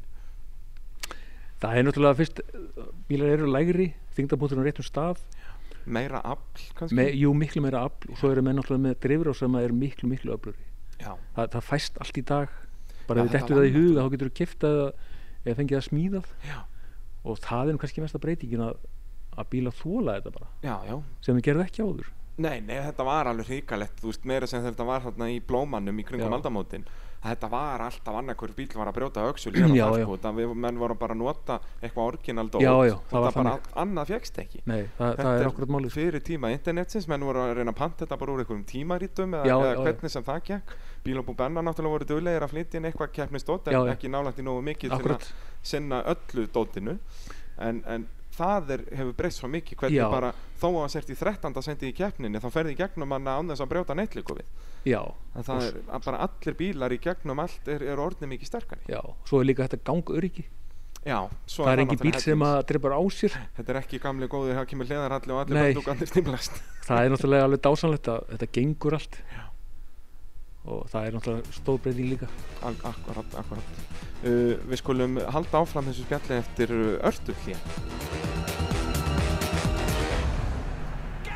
Jú, þeir eru að hlusta á mótorvarpið allt saman í bóði bíla.sins AB varahluta og yðnvjala endilega kíkja inn á yðnvjalar.is og, og, og kíkja á til dæmis föstudagstilbóðin þar alltaf eitthvað gúmilaði í, í bóðinu þar á 50 dögum og föstudögum og svo eins og vörur mánaðarinn sinn á ab.is uh, get ekki klikað og svo náttúrulega flottasta sprautuvestaði landsins bíla.inn í, í Reykjanesbæ endilega kíkja bara á Facebook síðuna hjá uh, Valda og félögum þar en uh, ég er að tala hérna við hann Gunnar Pálma og við erum nú hérna inn á bílavestaðinu hjá þér bílavestaði Gunnars Pálma á höfni hóðnaferði og við erum að fara yfir torfæru ferilinn og erum svona komni til ásins 2012 þegar að þið, já, þú varst búin að kveðja bílinn ætlaður að láta hann deyja ró, rólegum döðdaga upp í, upp í sveit láta hann rotna þarna niður en sonurinn tók það ekki í mál Nei, ég var alltaf búin að jarðsingja bíli þannig og En- búið en að það- jarðsetja á jarðsingja en það mætti engin í jarðanföruna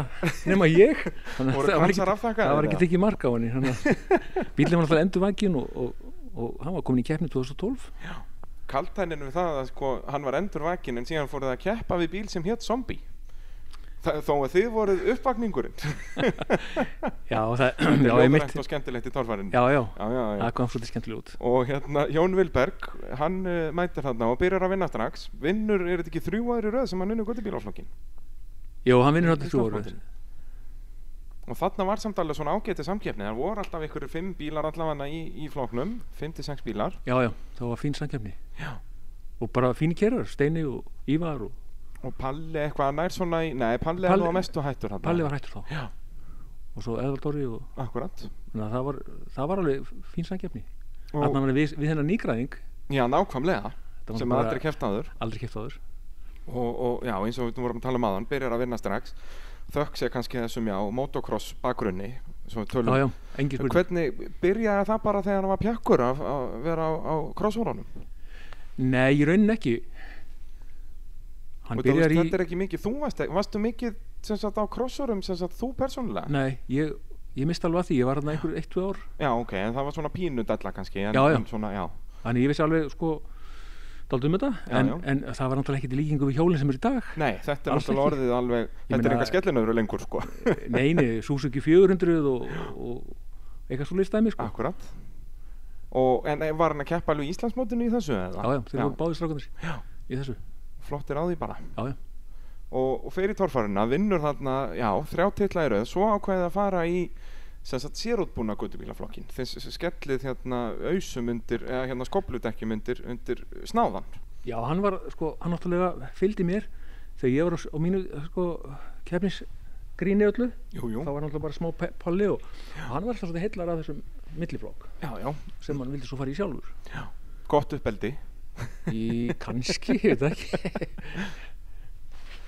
og, og er það hvað, er það 2014 eða 15, ég man þetta nú ekki sjálfur ég held 14 sem fyrsta ári í sérútbúna guttubíla 2014, Já, er það ekki, það er allavega 15 ég byrja eh, með mína þætti þarna 15 og þá er hann í, í þessu flokki ég held hann að við byrja árið fyrr jafnvel 13, þannig að ég komin að skoblundar undir 13 nú, þú, Já, þú, ég sé. þú, þú, þú ert svo erfiðið sko Ég veit það, þetta er ferlegt Já, ég hérna, og þetta er líka á þeim tíma sem ég var ekki einu svona fylgjast með torfæri þarna var ég upptíkin að vera rally héttja og, og var ekkert að fylgjast með þannig að, að við segjum 14, það er gott ár svona tímasetningar og, og ég eiga lilla samlega Nei, nei, ég er náttúrulega á- er venjulega professional hérna, viðmælandi, nei, hérna spyrill og er með þetta allt skrifað niður en nú er ég bara í sumafrí hérna og skell, skelli mér á höfn komin inn á eitthvað vestaði hérna og að fara að rifja upp eitthvað svona þetta gengur ekki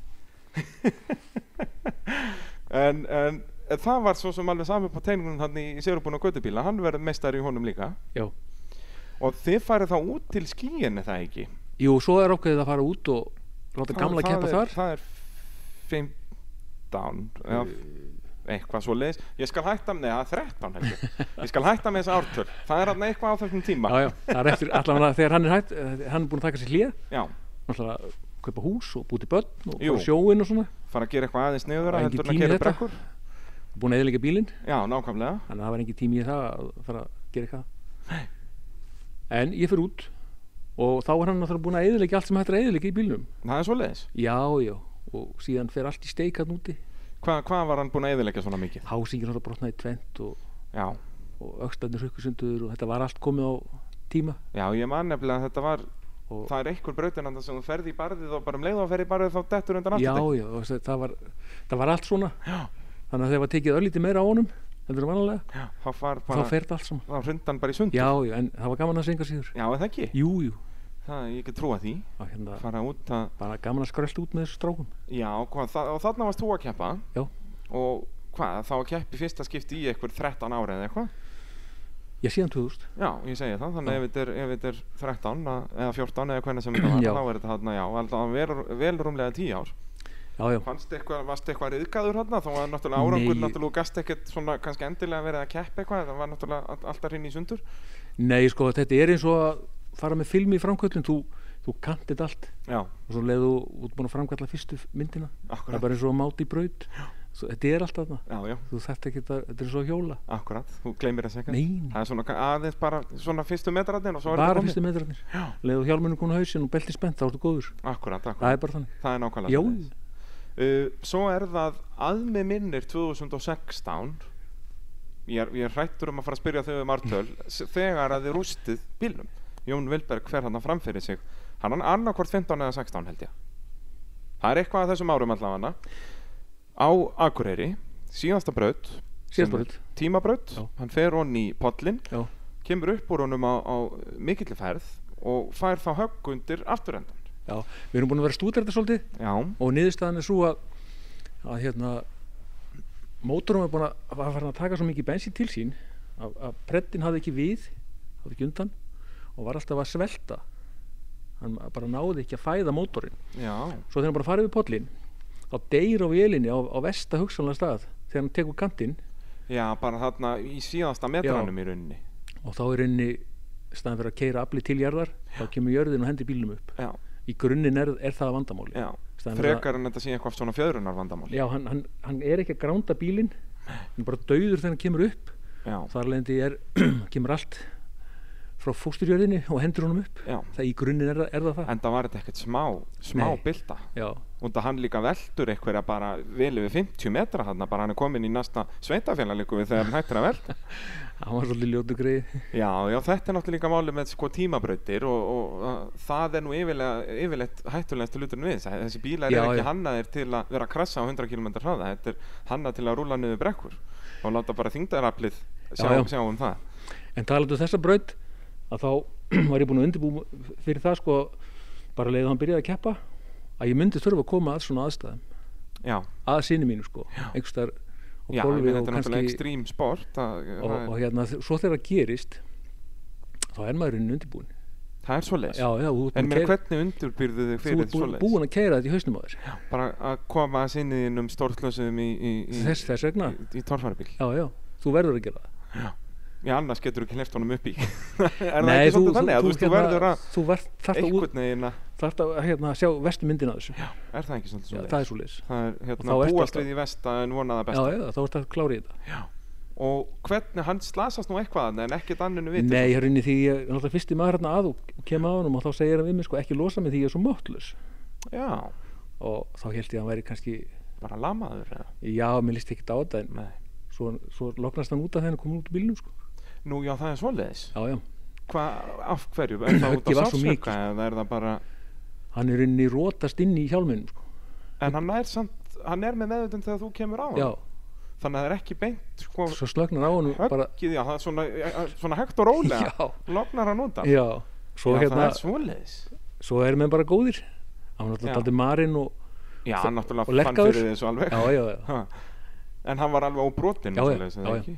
En bara svona, já, eins og ég segi, vikan á eftir var pínu erfið já lé, létti strákar þeir Já, þóla þetta það er náttúrulega alveg, svona í alvöru tala að Þetta er náttúrulega, þú þarft alveg að vera í ákveðnu formi já, já, að, Til að keppa í torfæru Já, að Það er eins með bílana, að léttir bílar beglast minna og eins með aukumennina það var svolítið skemmtileg yfirlýsing sem kom þegar hann kom út af spítalan hún var þannig að pabbi, ég, ég fer aldrei inn í svona bílnum að vera með hans búnaðin Artur, Var hann ekki með hansbúna þarna? nei, hann var ekki Já. skilda Nei, alveg rétt þarna var það reynið tíkin ákvörðun eða fljótlega eftir þetta Ég held að Að það hafi skylda verið, það. sko árið eftir var það ekki orðin skilda en Nei. þá var tekið fram að á næsta ári Já. þyrftur að vera með Já. það Þannig að þá byrjuði allir að kaupa þetta það kom svona þessi smarta yfirlýsing Algjörlega er líka bara alveg nöðsynlegt. Það er magnað í Nóri, er þetta ekki ennþá komið í reglur.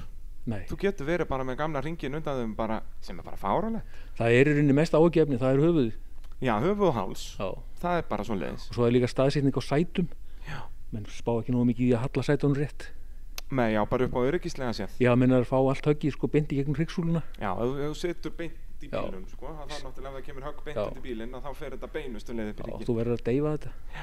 Er það þá best að gera það með því að halla stólum aftur, eða? Ég er rauninni að fara bara eftir reglunum, þær eru til, Ok, bæði, bæði sérst nákvæmlega eh, fara á framleiðendum, hvernig á að gera þetta. Best er að fylgja því bara. já, já, það verður er náttúrulega- búið að gera öll próf og allt já, já, svoleiðis. þraut prófað, þá ertu nokkuð örgur. Það held ég. Uh, hvernig v- er þetta ferli? Ég hef náttúrulega hef aldrei komið nálægt þessu sem sagt þegar það eru svona slegis og ökumæður er tekinu burtu með sjúkrabíl og allt svona þess að hann er sem sagt rótast þarna, sem missi meðvitund Mhm. og þá koma vantanlega sjúkrarlegar að og, og, og, hérna, og hvað var svona að fara í gegnum hausinn á þér þá?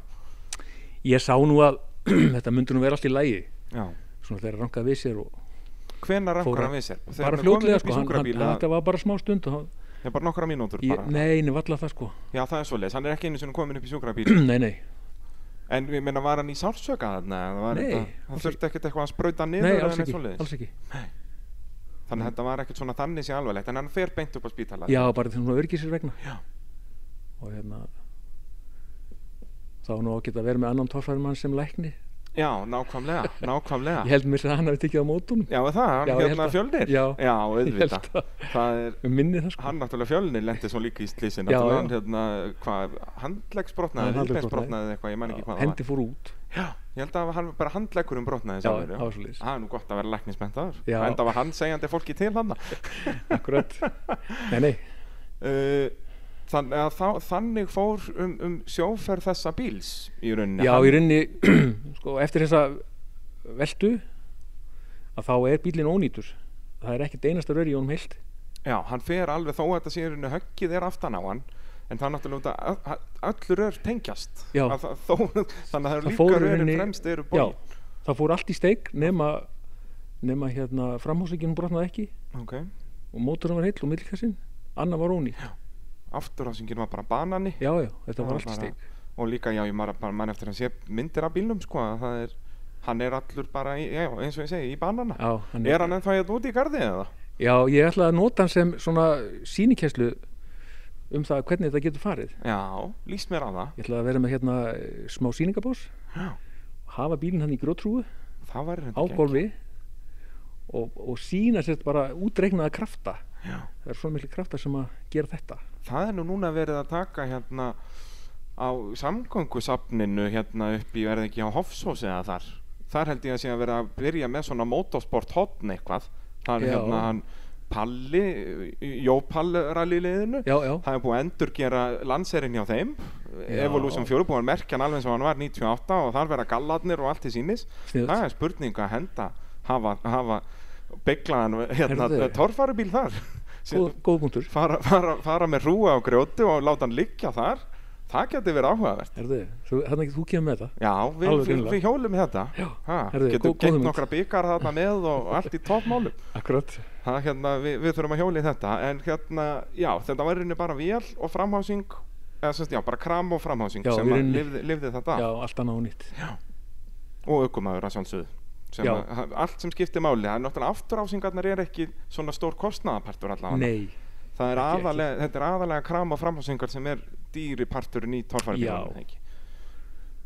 og við erum ekki að tala um dýrt fjörunakerfi þarna heldur Nei, já, þarna voru þeir náttúrulega ennþá bara með gamla góðu gormanna og, og Já, já. hérna bara... ég er dálítið mikill gormakall Já, þú elskar góða gorma. já, ég hef það frá hann að kóp sinni Já, það er rétt náttúrulega. Það er, Átni er, er, var svona brautriðandi í þessu þarna. já, Otni náttúrulega bara er svona sniðuðu gaur Já. sem kemur úr náttúrulega litlum bæ og það sem ekkert er til Já, já, hann þurfti að vinna með það sem hann hann var að hafði. vinna með það sem hann er með fyrir augunum einhverja gamla bíla og sér langa gorma í einhverju raun og Já, ágætt að nota þá og Jöp. vörgustempar og eitthvað svona. sér, Ha. það er bróngógrindur hann, er ekki best að sjóða þetta saman Ég og jú, segi er, það. þetta hlýtur að virka. maður er náttúrulega stór snjall Já, já, hann er og kollurinn alveg ennþá betri Nákvæmlega, nákvæmlega En þannig að, að svo gerist ekki mikið hjá ykkur fyrir en bara núna í rauninni nei, ég gerist ekki neitt, við bara ákveðum að salta þetta pínu við Já, og það var alltaf hérna orðrómar um að þið værið að fara að smíða bíl já, síðan sér hann auðlistan bílinn hjá Arne Já, fyrir fimm rána síðan akkurat og ákveður að stökka á hann Og þetta var náttúrulega er, var legendir í bíl í, í Noregi Arne Jóhansson búinn að vinna fjöldan allan að titlum á Já, já. þessum bíl og, og svona Íslendingar sem hafa fylgst með torfærinni aðeins erlendis vita alveg hvað bíl þetta er já, já, Lightfoot sko síðasta ári hjá Arne var mjög gott Já, Arne var einhvern veginn bara svona eins og rauðvín Hann var bara betur og betur með aldrinum já, hann átti sína vondu daga líka eða vondu ár Já. en, en síðast árið hans var alveg briljant Já. og, og þá er notan tækifærið bílinn er, er komið svona svolítið á kortið Já, já, og vermiðin upp, já, þá selur hann bílinn auðvitað og hérna, eða alla útgerðina réttar sagt Já, er það ekki? Þið kaupið alveg allan pakkan en það var það sem heillaði okkur, það var náttúrulega við vorum búin að pæla svolítið í bílnum, hann aktaði vel hann var, hann var góður, hann var alltaf flatur skemmtilegur í brautum Já. orka er náttúrulega alveg já og, og yndisleg. þetta var svona margt skemmtilegt í bílum og náttúrulega líka alveg pínu öðruvísi svo, sem sagt, svo miðað við lúkja á íslensku hann flóruna. alveg spes Já. þannig að það var það sem réði kaupunum á hann já, og bílinn náttúrulega í endursmíði núna en, en í rauninni þá höldum við sama úr lukkinu já, já, sem, sama mótor og krami en akkurat. bílinn er bara örlít stærri fyrir stærri mann já, já, en þú veist eins og ég er að horfa á hann núna og það er þú valla tekur eftir því að þetta sé endursmíð hann, þú Nei. veist, fyrir áhuga mann myndu sjá ennþá, já, þetta er bara lightfoot já þú tekur ekki eftir nei, nei, það er þó að hann vissulega sé hann eitthvað örlítið Já. tegðar á einhverja kanta en Já. ekki þannig að þú tekur eftir já. munið að halda stífunum sem sagt fram það var náttúrulega sem gerði lukkið á honum pínu spes að hann var með Já. stífur sem sagt frá A-posti og niður í framdempara festingarunni Já. fyrir fólk svona erfitt að reyna að m- mála mynda eins og hérna í útvarpinu já munið að halda því við höfum halda því Já. en reyndar eru þær sem sagt, uh, þannig að þú- við getum tekið að raf með einu handtaki já, er það ekki líka svolítið mikilvægt ef þú ert í viðgerðum jú og eins líka upp á hútið þá getur þú verið með samstæðuna fram að heila já, og, Og- þá er þetta, er þetta ekki margir hlutar sem Nei. fara á honum þá ertu bara með eitt gatt og verður þetta þá bara sem sagt boltað á í rauninni þessar stífur já þær eru, þær eru sérstakir lásar já, fyrir svona þú snýr 90 gráður dregur út já það svoleiðis eru- það eru lástikki í báðum endum bara. ég skil þig þannig að þetta er svo sem alveg þekkt já og það verður á honum Ok, en þetta er nefnilega eitthvað svona sem ég veist magnað að fleiri hafi ekki gert í torfærunni að hafa þessar stífur sérstaklega á svona þessum bílum sem eru svona kassalaga já, við sáum þetta í kubnum, hann er með þetta en síðan náttúrulega eins og allir kórdrengirnir og klóndrengirnir að þeir eru náttúrulega með það mikinn halla á þessum A-stífum að kannski þarf það ekki en út að þetta er bara betra upp á að dreifa högginu náttúrulega, þegar að stóru höggin koma já, reyndar eins og með Þór og, og Heklu þeir eru svo rúnaðir já, já, þeir eru svo egglaga Já. í læginu að það var, þarf ekki það minni þörf þar Nei. eins og, náttúrulega eins og, eins og Þóri Sjött hann var með svona Já, já, og ég mann og og getur einhverju fleiri nokkri fleiri kannski menn á aðeins prófa þetta Já, bara sérstaklega- eins og ef þetta væri í hérna snáðanum þegar að stóraveldan er vissulega hafði hann alveg rústast sennilega hefði jafn haft mikið, helling en að ekki- Já, en þetta hafði gert mikið og þetta hafði dreift högginu Já, miklu já, meira það hafði gert Sest, mikið. A-pósturinn hafði ekki bognað jafn mikið nei, og það náttúrulega hefði sem sagt, ef, að- ef, að- ef eitthvað slemt hefði gæst að hausin ánum hefði verið aðeins aftar eða hvernig sem það er og það náttúrulega veltibúrið bognar helling já, að þá náttúrulega hefur þetta helling að segja að- að- að- að- og sérstaklega eins og maður sér í gödubílafloknum að gömlu villisannir sem eru bara kassalaga já, akkurat að þá er um að gera að hafa þess að auka stífu já, maður hefur svona pínu áhyggjur af göttubílónum Já Það Við sem sáum að- þetta með Steina Bjarna hérna á Já, Egilstöðum já. árið að þá fór hann alveg í klessu já, bílum maður sérstaklega eftir því Já. maður svona fór svolítið um hann Já, bara ef hann hefði sittið farþega meginn í bílum þá hefði Já. hann sennilega bara steindreppist já, og þannig að það er svona, þetta er svona pæling alls konar pælingar með þetta já, en það er líka sko, sem finnst þetta ljótt Já, það er alveg eiginlega Og- bara öllum og hérna, Mér- en það er, það er svona ef þú velur réttan lit á búrið og bílinn Já, já þá fellur þetta svolítið svona já, Já, já, og það er að ég veit það ekki, mér finnst alltaf sko það sem, sko, funksjón er alveg töff að einhverju leiti að Já, já. það er, út af náttúrulega torfæribílar ef við förum að tala um sem sagt, hvernig torfæribílar líta út að þetta er yfirleitt ekki fallegt þetta er töff það er ekki endilega sami hluturinn, sko að það er eins sumur með þess að fallega ljóttir og- já, já, en þú veist eins og kjarninni er einn bíl sem er töff en annar sem er fallegur, þú veist eins og þinn gamli herjeppin, það er meira svona eitthvað svona beauty í því já, kannski að því að hann líkist bíl Já, ég segja það, það er eitthvað svona eh, eitthvað eh, við konseptið þar meðan, meðan að þessi hérna sérubúna tröllið hérna Lightfoot, það er meira bara svona töff já, en Þó ég held hann að sé við líka alveg, jú, kannski er hægt að kalla þetta fallegt ég veit það ekki, ég er ekki listamaður, sko, við þurftum að fá listamann í, í, í, í sjóið já, en ég held líka sko að við tökum rörin og fjallæðum þau sem líkja hann fram þá erum við ekki lengur með sama bílinn Nei, nei, þá er Og- þetta ekki lengur Lightfoot alls ekki það er, það er góða punktur líka og líka þegar við kaupum bílinn þá hefur hann ákveðna sögu Já, og með því að fá nafni líka þá framlengi við söguna en við megum ekki rústin þannig að við séum allt annan með Nei, annan nei, bíl sko. Akkurat, Það er akkurat, heila og málið. eins og ég segi þeir eru náttúrulega komnir á hættulega slóð með að vera endursmíðan hérna sko, þannig að þá er um Já. að gera að halda honum eins mikið eins Já. og vorum að tala um aðan, haldónum sem lightfoot já, uh, talandi um þetta, þið kaupi bílinn va- var þetta rætt, rætt sem sagt með að, að þið myndu kaupa nafnið líka, þess að fá nafnið það var svona þetta, þetta er svolítið svona pólitík í já, ég, tófærinu veit- ég veit það, þetta var með sko, og hérna, ég held að þeir hafi báði verið sammáli, bæði Arni og, og Jón Já.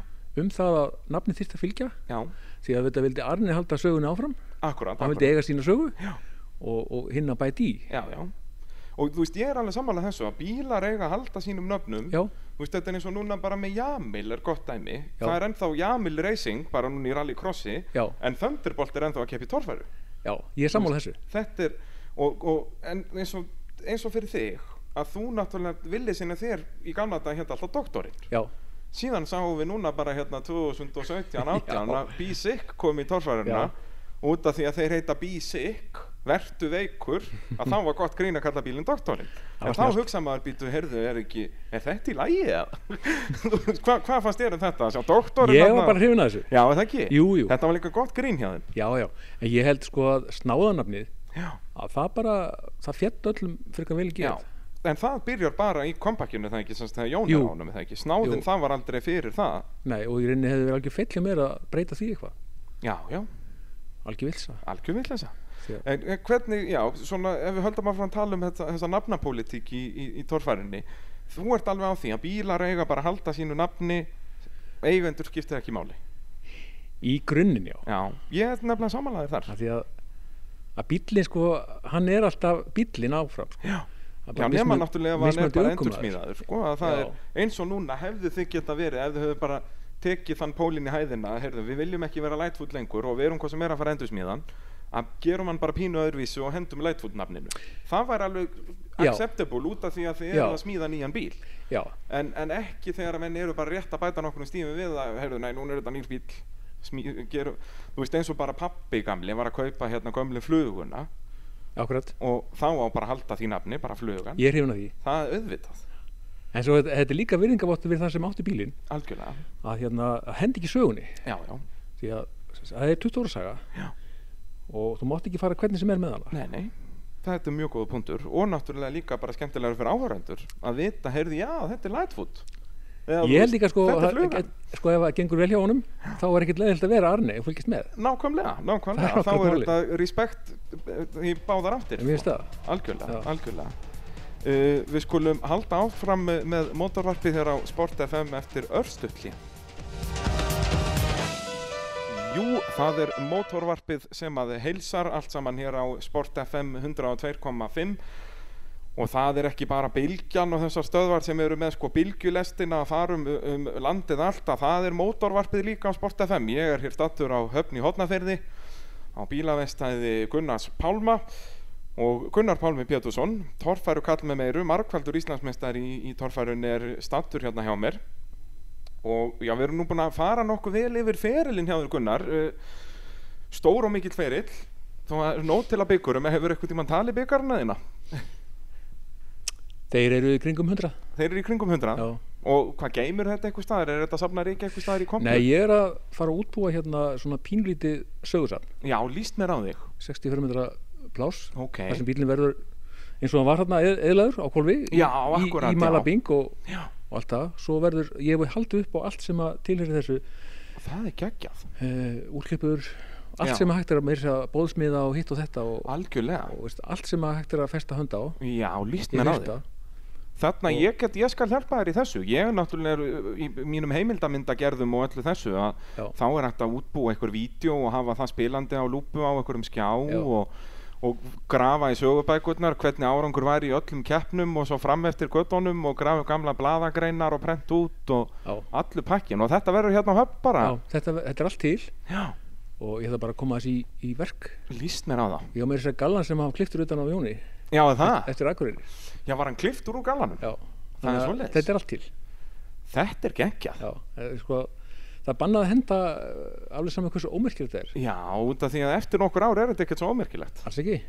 og líka gaman að hafa þetta allt svona saman verður þetta þá hérna bara sem sagt, við vestæðið eða Það þannig er bara hlutið af vegstæðinu. já það er náttúrulega geggjað Það í er staðin hérna- fyrir að fá sér kaffibotla þá fer að skoða Já. motorsportsafnið þegar við erum hérna í bakgarðinum Við gotum þetta sko litla félagsheimilu okkar. litla félagsemmilið, Já, þetta er algjör snild þá verður þetta líka bara kvartning sko, þó að bílinn sem bilaður í Reykjavík koma með hann á höfn svo þú getur farið að skoða safnið Já, þetta þetta, er getur svona, ekki klíka þetta er svona ákveðin viðbót við sko, þessa ferðamannaflóru hérna, akkurat, akkurat eða þessa afþreyingu, kannski koma ferðamenn ekkert hérna aftur. já, þeir, það hlýtur að koma að því Þetta var hugsa sem svona viðbót við margt annað. Já, Nei, þetta er náttúrulega líka geggja þú ferð upp á jökul með, með fullt af túristum á þessu monsteri sem er hérna fyrir utan Mhm.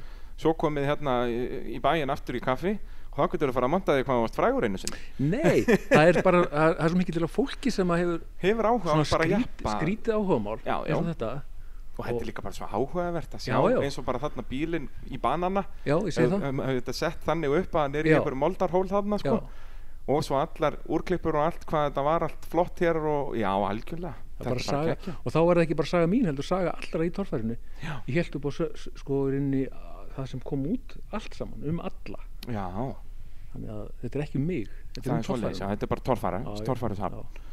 þetta er síðan bara þurft að stækka þetta og út af þetta er náttúrulega líka svo sniðut að hafa, það hefur nú uh, mikið verið að tala um svona motorsport söfn hérna á- að vera, stopna svoleiðis á Íslandi Mhm. og þetta er líka svo sniðut eins og fyrir kallana sem eiga en þá gömlu bílana sína Já. stofni Kops og, og Gísli G til dæmis Mhm. en er ekkert að keppa á þeim reglulega að spara sér bara húsnæðiskostnaðin við að geima bílinn einhvers staðar og geima hann bara á safni Já, og þá er ekkert endilega ritað í steina en þau eru að vera þarna þangað til að þeir drepast sko. þú getur alveg sótt hann eða þú ætlar að keppa í einni keppni já. Ah, En þeir voru nú í Ölfusi, já, já, já þá tókuður bílina skísla og gerðu svona akkurat, ég man eftir því Og og það- svona, en það var bara í mjög flott. einhverja, einhverja nokkra vikur eða var það bara ein helgi eða eitthvað Nei, svoleiðis? það var nokkra vikur Já, nokkra vikur, það Það var var líka skemmtilegt. ótrúlega flott Já, mjög flott. Það var gallinn og hjálmurinn og allt, Allt og saman. gert svaka flott Já. úr þessu og, og blaða úr klippur og allt þetta, Já. þetta var alveg svona experience Það var sett upp að fagfólki grunlega Já.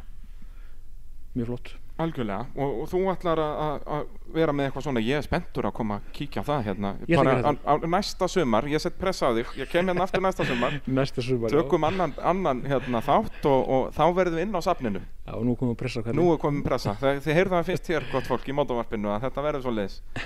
Uh, þá kannski fyrir, við- fyrst við erum búin að fara yfir ferilinn og svo leiðis að pæla svolítið í torfærin almennt. Þetta er náttúrulega bara trúabræð hjá okkur. Vi, við elskum torfæri.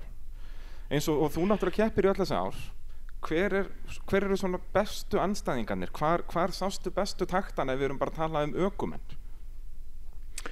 Þetta er svolítið erfið spurning Þetta er það nefnilega. Ég vil, vil helst ekki draga menni dilka af því að Nei, nei. dagsform manna er svo mismunandi Já, já, og, s- og síðan eru, sem sagt, það eru sumir ökumenn sem eru algjörlega ósegrandi á einum degi en geta ekkert annan daginn. Ég segi Svo það. eru aðrir sem eru bara alltaf í þriðasætti. Já. Þú veist, þetta er alveg, en eins og þú veist, hvort myndir þú vilja vera? Vilt þú vera Mr. Consistent eða, eða heimsmeistar einn daginn og lúsir hinn daginn? þetta, er- eh, þetta er allt mjög erfiða spurningar. Ég veit það ekki Ég er ekki konsistans í þið betra á þetta, þá ættir Jó, að ég held geta og síðan byggjur bara hægt og rólega ofan á það, sko. Mér finnst það nú eiginlega svona, jú, ég held það eins og maður sá bara ég hugsa svona, ég er nú fjölmeilamaður og ég get verið með einhverja bjónalega skoðanir annars, jú, ég særi reyndar alltaf einhverja en það ver, þeir verða að taka því bara Þú veist, eins og bara, ég held ennþann dag þetta að Snorri sé bestu ökumaðurinn sem við höfum séð í torfærin út að, þú veist, þó að sé erfitt að segja þú veist, hann kefti bara fjögur ár en hann vann allt og alla þessa fjögur ár Snorri er ótrúlega rökumadur Já. Og það er bara einhver ferskleiki yfir Snorra Já, Og já, hann, hann er sko, hann hefur gaman að þessu sem er algjörlega náttúrulega, ef þú hefur ekki gaman að þessu þá getur ekki neitt Nei, ef, Ég- ef, ég- þetta er- ef þetta er allt neyðilegt og þú nennir þessu ekki að þá verður árangurinn svolítið eftir því Já, ég þurfti að glima veit sem að var svolítið erfiður í skapi og árangurinn eftir því, Já, svo mætti hann eftir smá hliða og með gleðin af opni já alveg ósegrandi Það er svo leiðis, Já. já, auðvitað Þetta er Ég náttúrulega, þekki þetta þetta er alveg. náttúrulega svo mikið hugarfarið sko. Já, A- og, og sérstaklega í torfæru sem þú ert ekki þetta er ekki eins og sprettlaup eða eitthvað, þú ert ekki með samkjörnina hliðin á þér þetta Nei. er mikil svona sálfræði og, og svona pælingar að þá skiptir líka miklu máli hvernig hausinn á þér eru upplæður á, á morgun, morgun fyrir keppni já Ég óttur að spurður að því, sko, hvernig æfur þig Já, svaraði mjög einfalt Ég æfi mig á leiðinni, á kemnstað já, það er svo leiðis, bara í hausnum á Í þér hausnum á þér Og hvernig þá, Hva, ertu Ég- bara svona í einhverjum svona ímyndunarleik Nei, nei, ég, Hérna? ég, ég man alveg ótrúlega mikið af keppnum hver einustu braut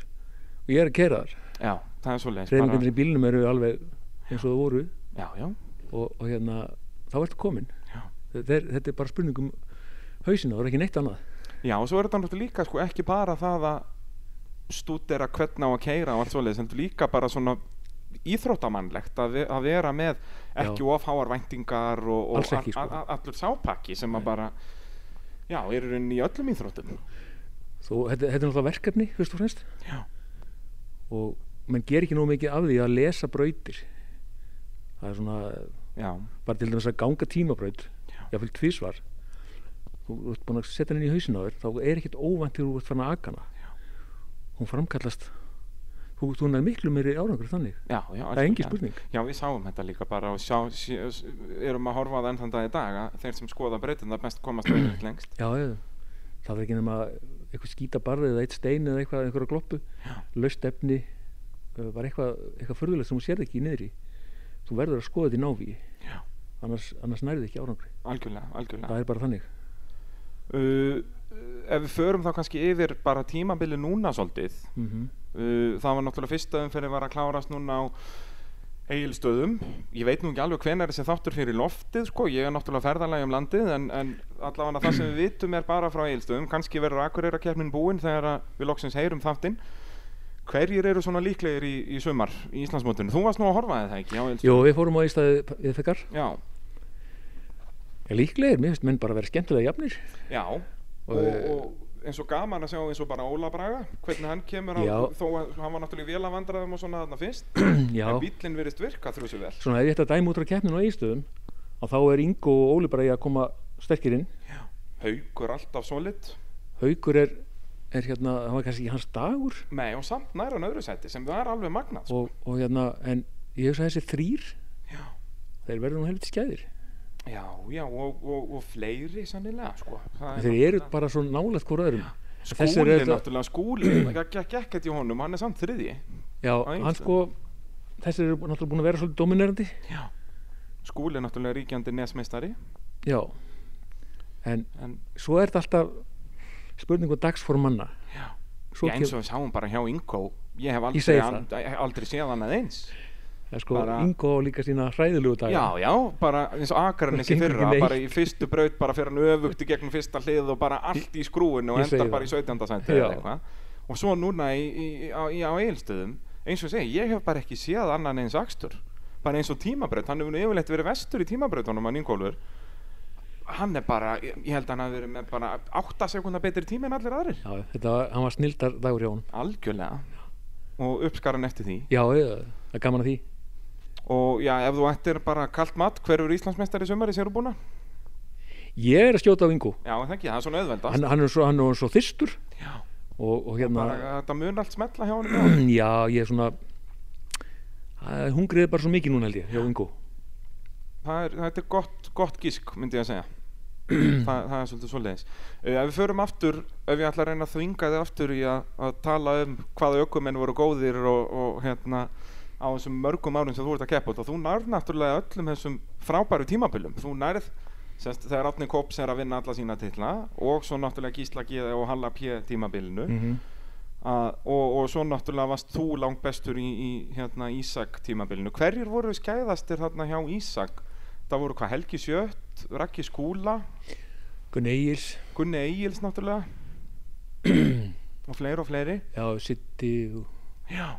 sem voru að vinna svona einu og einu kefni En, en bara overall á Íslandi þú mátt ekki nefna sjálfa þig hver er Nei, bestu ég- ökumaður ég er sem þú nú hefur séð aldrei- keira torfæribíl sko Ég hef alltaf haft Átna Kops í fyrsta seti já, og þannig kannski að því að það er svo margt sem að hann er ákveðin frumkvöld já hann kemur með nýja línu í þetta Já, það er nefnilega skemmtilega hann eins og þú segir, hann er frumkvöðul en líka kunna keira Já, hann er, hann er svona fættur keirari og karakterin er bara skemmtilegur líka algjörlega, hann algjörlega er, hann er sjómaður og hann kunni þetta bara eiginlega þó hann, þó hann sé ekki lærið til þess þetta, bara, Já, það, það- þetta small allt hjá honum hann er, sko ferillinu honum er s- mjög svipaður og það sem Snorri gerir þarna 25 árum Já. setna hann kemur inn bara í nokkur ár vinnur Já. allt og alla og hættir en það sem að, að ég, sko, ég nefni átnað vegna þess að hann er inn í breytti torfærinu líka já, já, já, og hann verður nú að fá að njóta þess svolítið.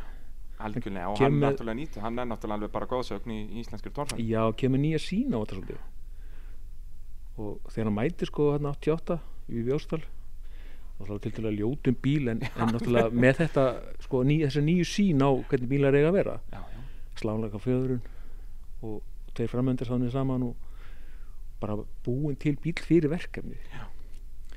og ég held að mönnum hafi fyndist þetta frekar skrítið allt saman algjörlega En svo náttúrulega seinna um daginn að- að Já, en setna en daginn sko þegar allir þessir gamlu mistarar voru búin að lúta í gras Jú, að þá náttúrulega, þá voru bara nýju tína, tímar komnir, þannig já, þú sér bara á þessum þreymur, fjórum árum sem að, hann er að keppa bara keppnin sem mætir á- í Ósastal meðan Já. fyrst þarna og síðasta keppnin sem held ég hafi líka verið í Ósastal 92 eða eitthvað þarna er torfæran bara svart og hvít í rauninni Það- Algjörlega. að- hún um, umturnast algjörlega á þessum árum já, og þannig kemur bara nýr vinkill Já. þannig að átni verður nú alltaf nummer eitt já er það ekki, Jú. það er efstur á blaði þá, og þá áins þess að ég ger lítur öðrum já, já, alls ekki sko. algjörlega, algjörlega, algjörlega. Uh, og svo náttúrulega líka kemur þessi þróun þegar að bílarnir verða betri Já. að þá náttúrulega verða brautirnar þá þurfa keppnis aldar Já. að halda í við sko. sko. já, það verður alltaf snúnar og snúnar að reyna að byggja brautir sem að ná Bara- öllu út úr bílun já, já, ein- bara ná eitthvað, eitthvað til að stoppa þessa bíla já, og, og í rauninni þegar einn bíl kemst að þá er brauti fullkomin já, við vorum að tala um þetta áður Já. en við fórum í upptökuna hérna Já. áðan að- að hinn fullkomna torfærabraut er svolítið þannig að ef einn bíl kemst hana en engin annar þá er það fu- hinn fullkomna braut já, þá þá er hún alveg nógu erfið en ekki of erfið það er svolítið svolítið Út að við höfum náttúrulega séð það miljón sinnum bæði brautir sem eru of eðveldar og of erfiðar að þá er nú, ég myndi kjósa það allavega sko, sem ljósmyndar að hafa þær frekar of erfiðar frekar en of eðveldar en náttúrulega maður verður að finna hennan gullna meðalveg sem er bara fjandi erfitt að, að finna sem já, manneska sem er að leggja brautir Já, svo er líka eitt í það vantar pínu sjálfstæði í marga þessar strákar sem eru að keppa í dag þeir eru svolítið gjarnir á að elda síðasta bíl já, eða taka í rauninni það sem að þá línu sem að flestir taka já, í staðan verður að aðeins að fara út úr úst, sjá aðra möguleika Já, algjörlega sjá við, sigurinn jáfnvel þar við sáum þetta mjög skýrt í síðustu brautinu á eilstöðum, Já. fannst mér Já, Það þá ákveður, þá fyrir haukur viðar á heklu uh, fyrstur í braut, eða mjög snemma og ákveður að fara sem sagt, svona beinustu leið, þá fyrir Já. allar hann að re- reyna að keira meðfram Já. kanti þá Já. í svona hálfpartin hliðarhalla mm og svo bara næstu 5-6 bílar elda hann bara já, og svo kemur Óli bræi já og hugsar, heyrðu, nei, það er ekkert sem banna mér að fara bara uppeig og fara niður og taka hliðið þannig, þannig að sleppa eins og svakalega halla Já, og þá eftir það byrjuðu allir að elda óla Já. þú veist að, að ég er alveg samanlega þarna það vantar meiri svona útsjónarsemi já, eins og við sáum mikið semst á þínum tíma þegar þú ert upp á þitt besta bæði frá þér og Gísla og Halla og Gunna Egils og þessum köllum að að gera eitthvað nýtt maður sá Geirevert gerði þetta stundum já, að að taka heyrðu, prófum að taka þessa stikva þarna á 50 og, og fara meðfram kattinum eða þú veist, al- eitthvað svona pælingar sko árundir alveg elska þetta það algjörlega, kemur einhver, tekur aðra línu kemst upp með það e- eða kannski ekki eða kannski ekki en, en að prófa eitthvað nýtt, að sjá eitthvað heyrðu, Já. jú, það gæti verið hægt að gera þetta svona Já, akkurat út af þá eru líka kannski áhverjandi búin að vera að pæla heyrðu, en þið myndu bara að prófa þetta og það var svo leðilegt ef enginn prófar það Akkurat, þannig að ég er alveg samanlegaður þarna að- að já það er kannski vantar aðeins meira af þessu í, í torfarni í dag Já, svona verður bara þú sjálfur og, og gerir þetta á þínum fórsöndum Já. það er ekki víst að sá síðasti sem fór brautin hafi gert rétt nei, nei, nákvæmlega og, Og- þá kannski getum við fara að tala um bíla við vorum nú hérna áður en við byrjuðum að taka upp að, að tala um Já, þessar mismunandi útgáfur af bílum og þetta virðist nú, sko allir bílar sem eru smíðaðir í dag eru annarkvort smíðaðir af hérna, þessari norsku uppskrift sem er þá hérna insane og, og, og þetta allt eða bara klóndrengur smíðaður eftir mússónum sem var hérna smíðaður á 1999 og, og meiri nýjungar eru það nú ekki nema náttúrulega í vélbúnaði og drifbúnaði uh, Hver er þín fullkomna uppskrift af tólfæri bíl?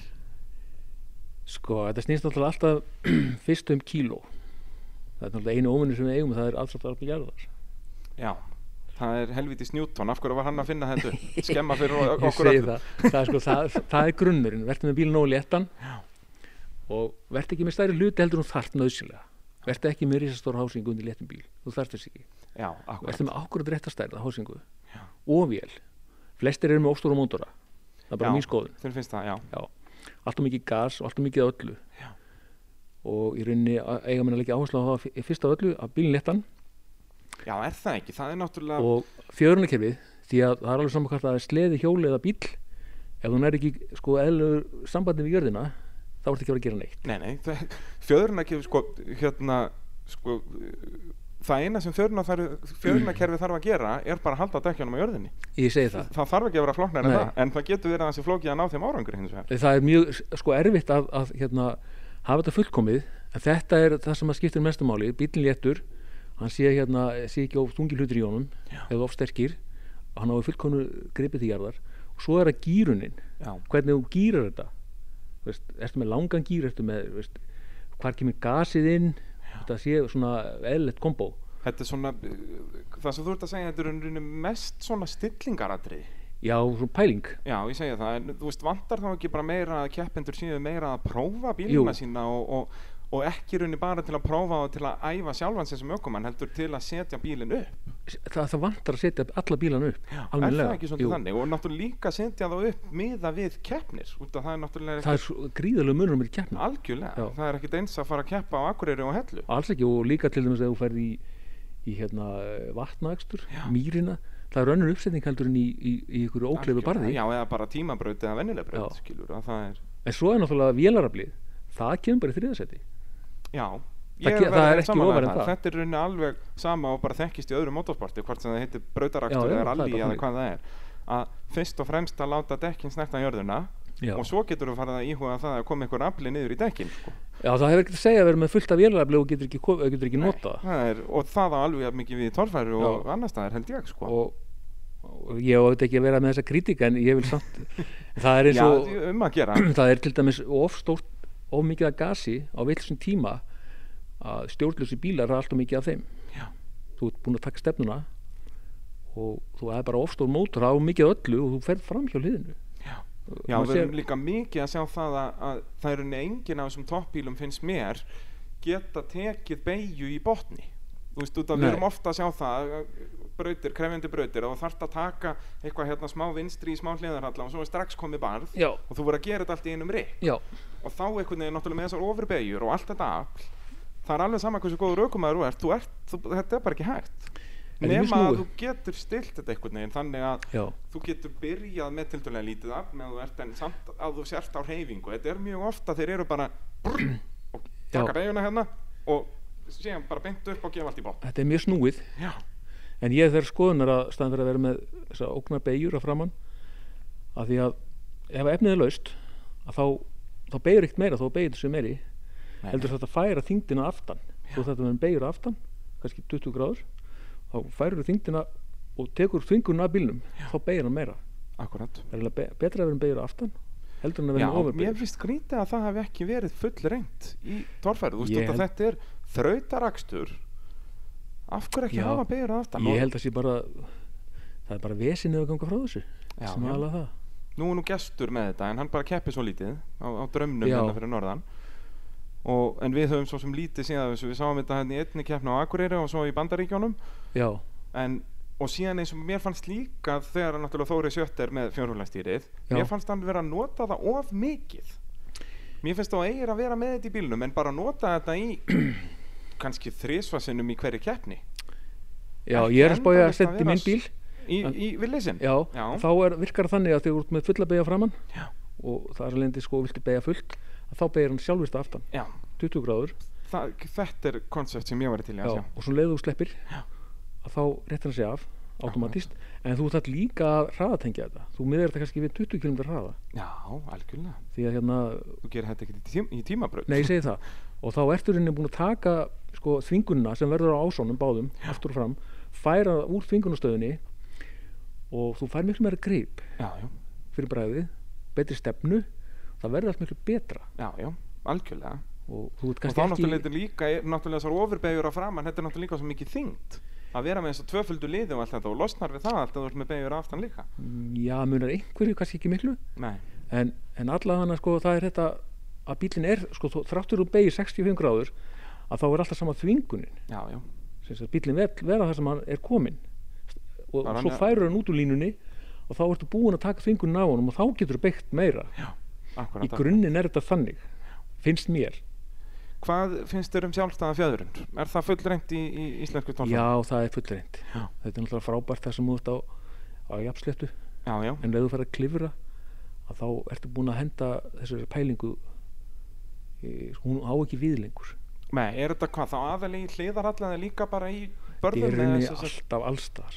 af hverju er það? Er það bara út að þyngdin er þá það mikillir reyfingu eða Nei, kr- sko, þú spilar kröftunum þannig út til hjólana það koma allar þessar vindurhefingar og, og, og ó- óæskilegu svona snúniskraftar Já, sem að snúa bílnum bara niður já, og veist hérna, þannig að þetta er ekki sett upp fyrir klifur nei en þetta virkar frábælega það sem á við Já, já, í tímabrautónum Já, og já, öllu já, þessu, það þá er er ekki þetta spurning. náttúrulega eina vitið Já. já.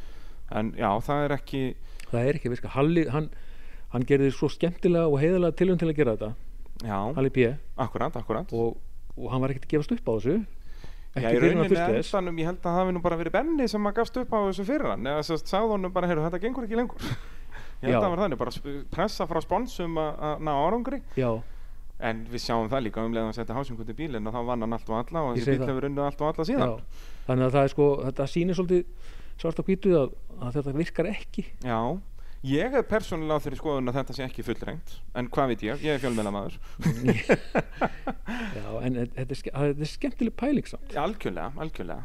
Og- Og, og alla pælingar eiga rétt á sér ég segi það, og sérstaklega íslenski torfæru. já, já, Það er ekki bara allir séu á klondrengjum, það alls gengur ekki og, og það um að gera þennan að, að brjótast út úr þessum, þessum hérna, hönnunar ramma Já, já, Maggi sig, Guð blessi hann nú, að hann Já. kom nú með hérna góða einspýtingu inn Já, í þetta já. hérna, gera bara allt, bara hann tók reglubókin og fleiðin út um gluggan. já, Það vantar fleiri svoleiðis. já, vantar miklu fleiri svolítið Það er bara þannig og, og en við erum líka að sjá það að kuppurinn virkar bara helvítið vel það Já, er já, já. einn af fáum bílum sem við runni keppnir núna nýverið já, já, já. þannig að það er bara vonandi að fleiri, fleiri að fara að gera eitthvað skrítið Það, það, já, það, það er eiginlega bara nöðsilegt Já. að, að hérna, sem flestir gera eitthvað nýtt það, menn þarf ekki endilega að hafa rétt fyrir sér Nei, ég segi prófa það það allavega Ég segi það, prófa og það þú veist, það er ekki skoma því Nei, nei, þetta er náttúrulega vesenið við þetta er að þetta kostar tíma og peninga Það að, gerir að það. prófa þannig að þú þarft að vera ansi þrjóskur það er alltaf þægilegt að gera eins og ég þið bara, kaupa bíl frá Nóri og það vitið að hann virki og þá getið þið að fara að keppa sko. en svo er líka þessi gulrót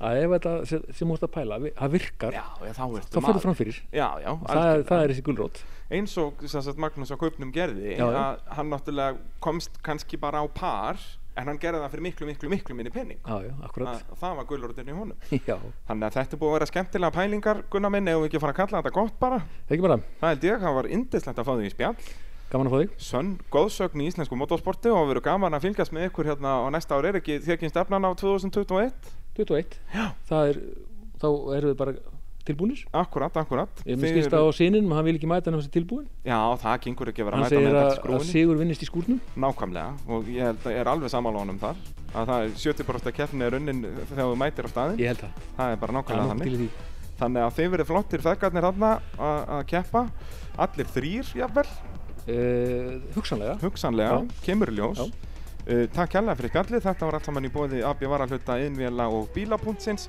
Þá getur næst, bless bless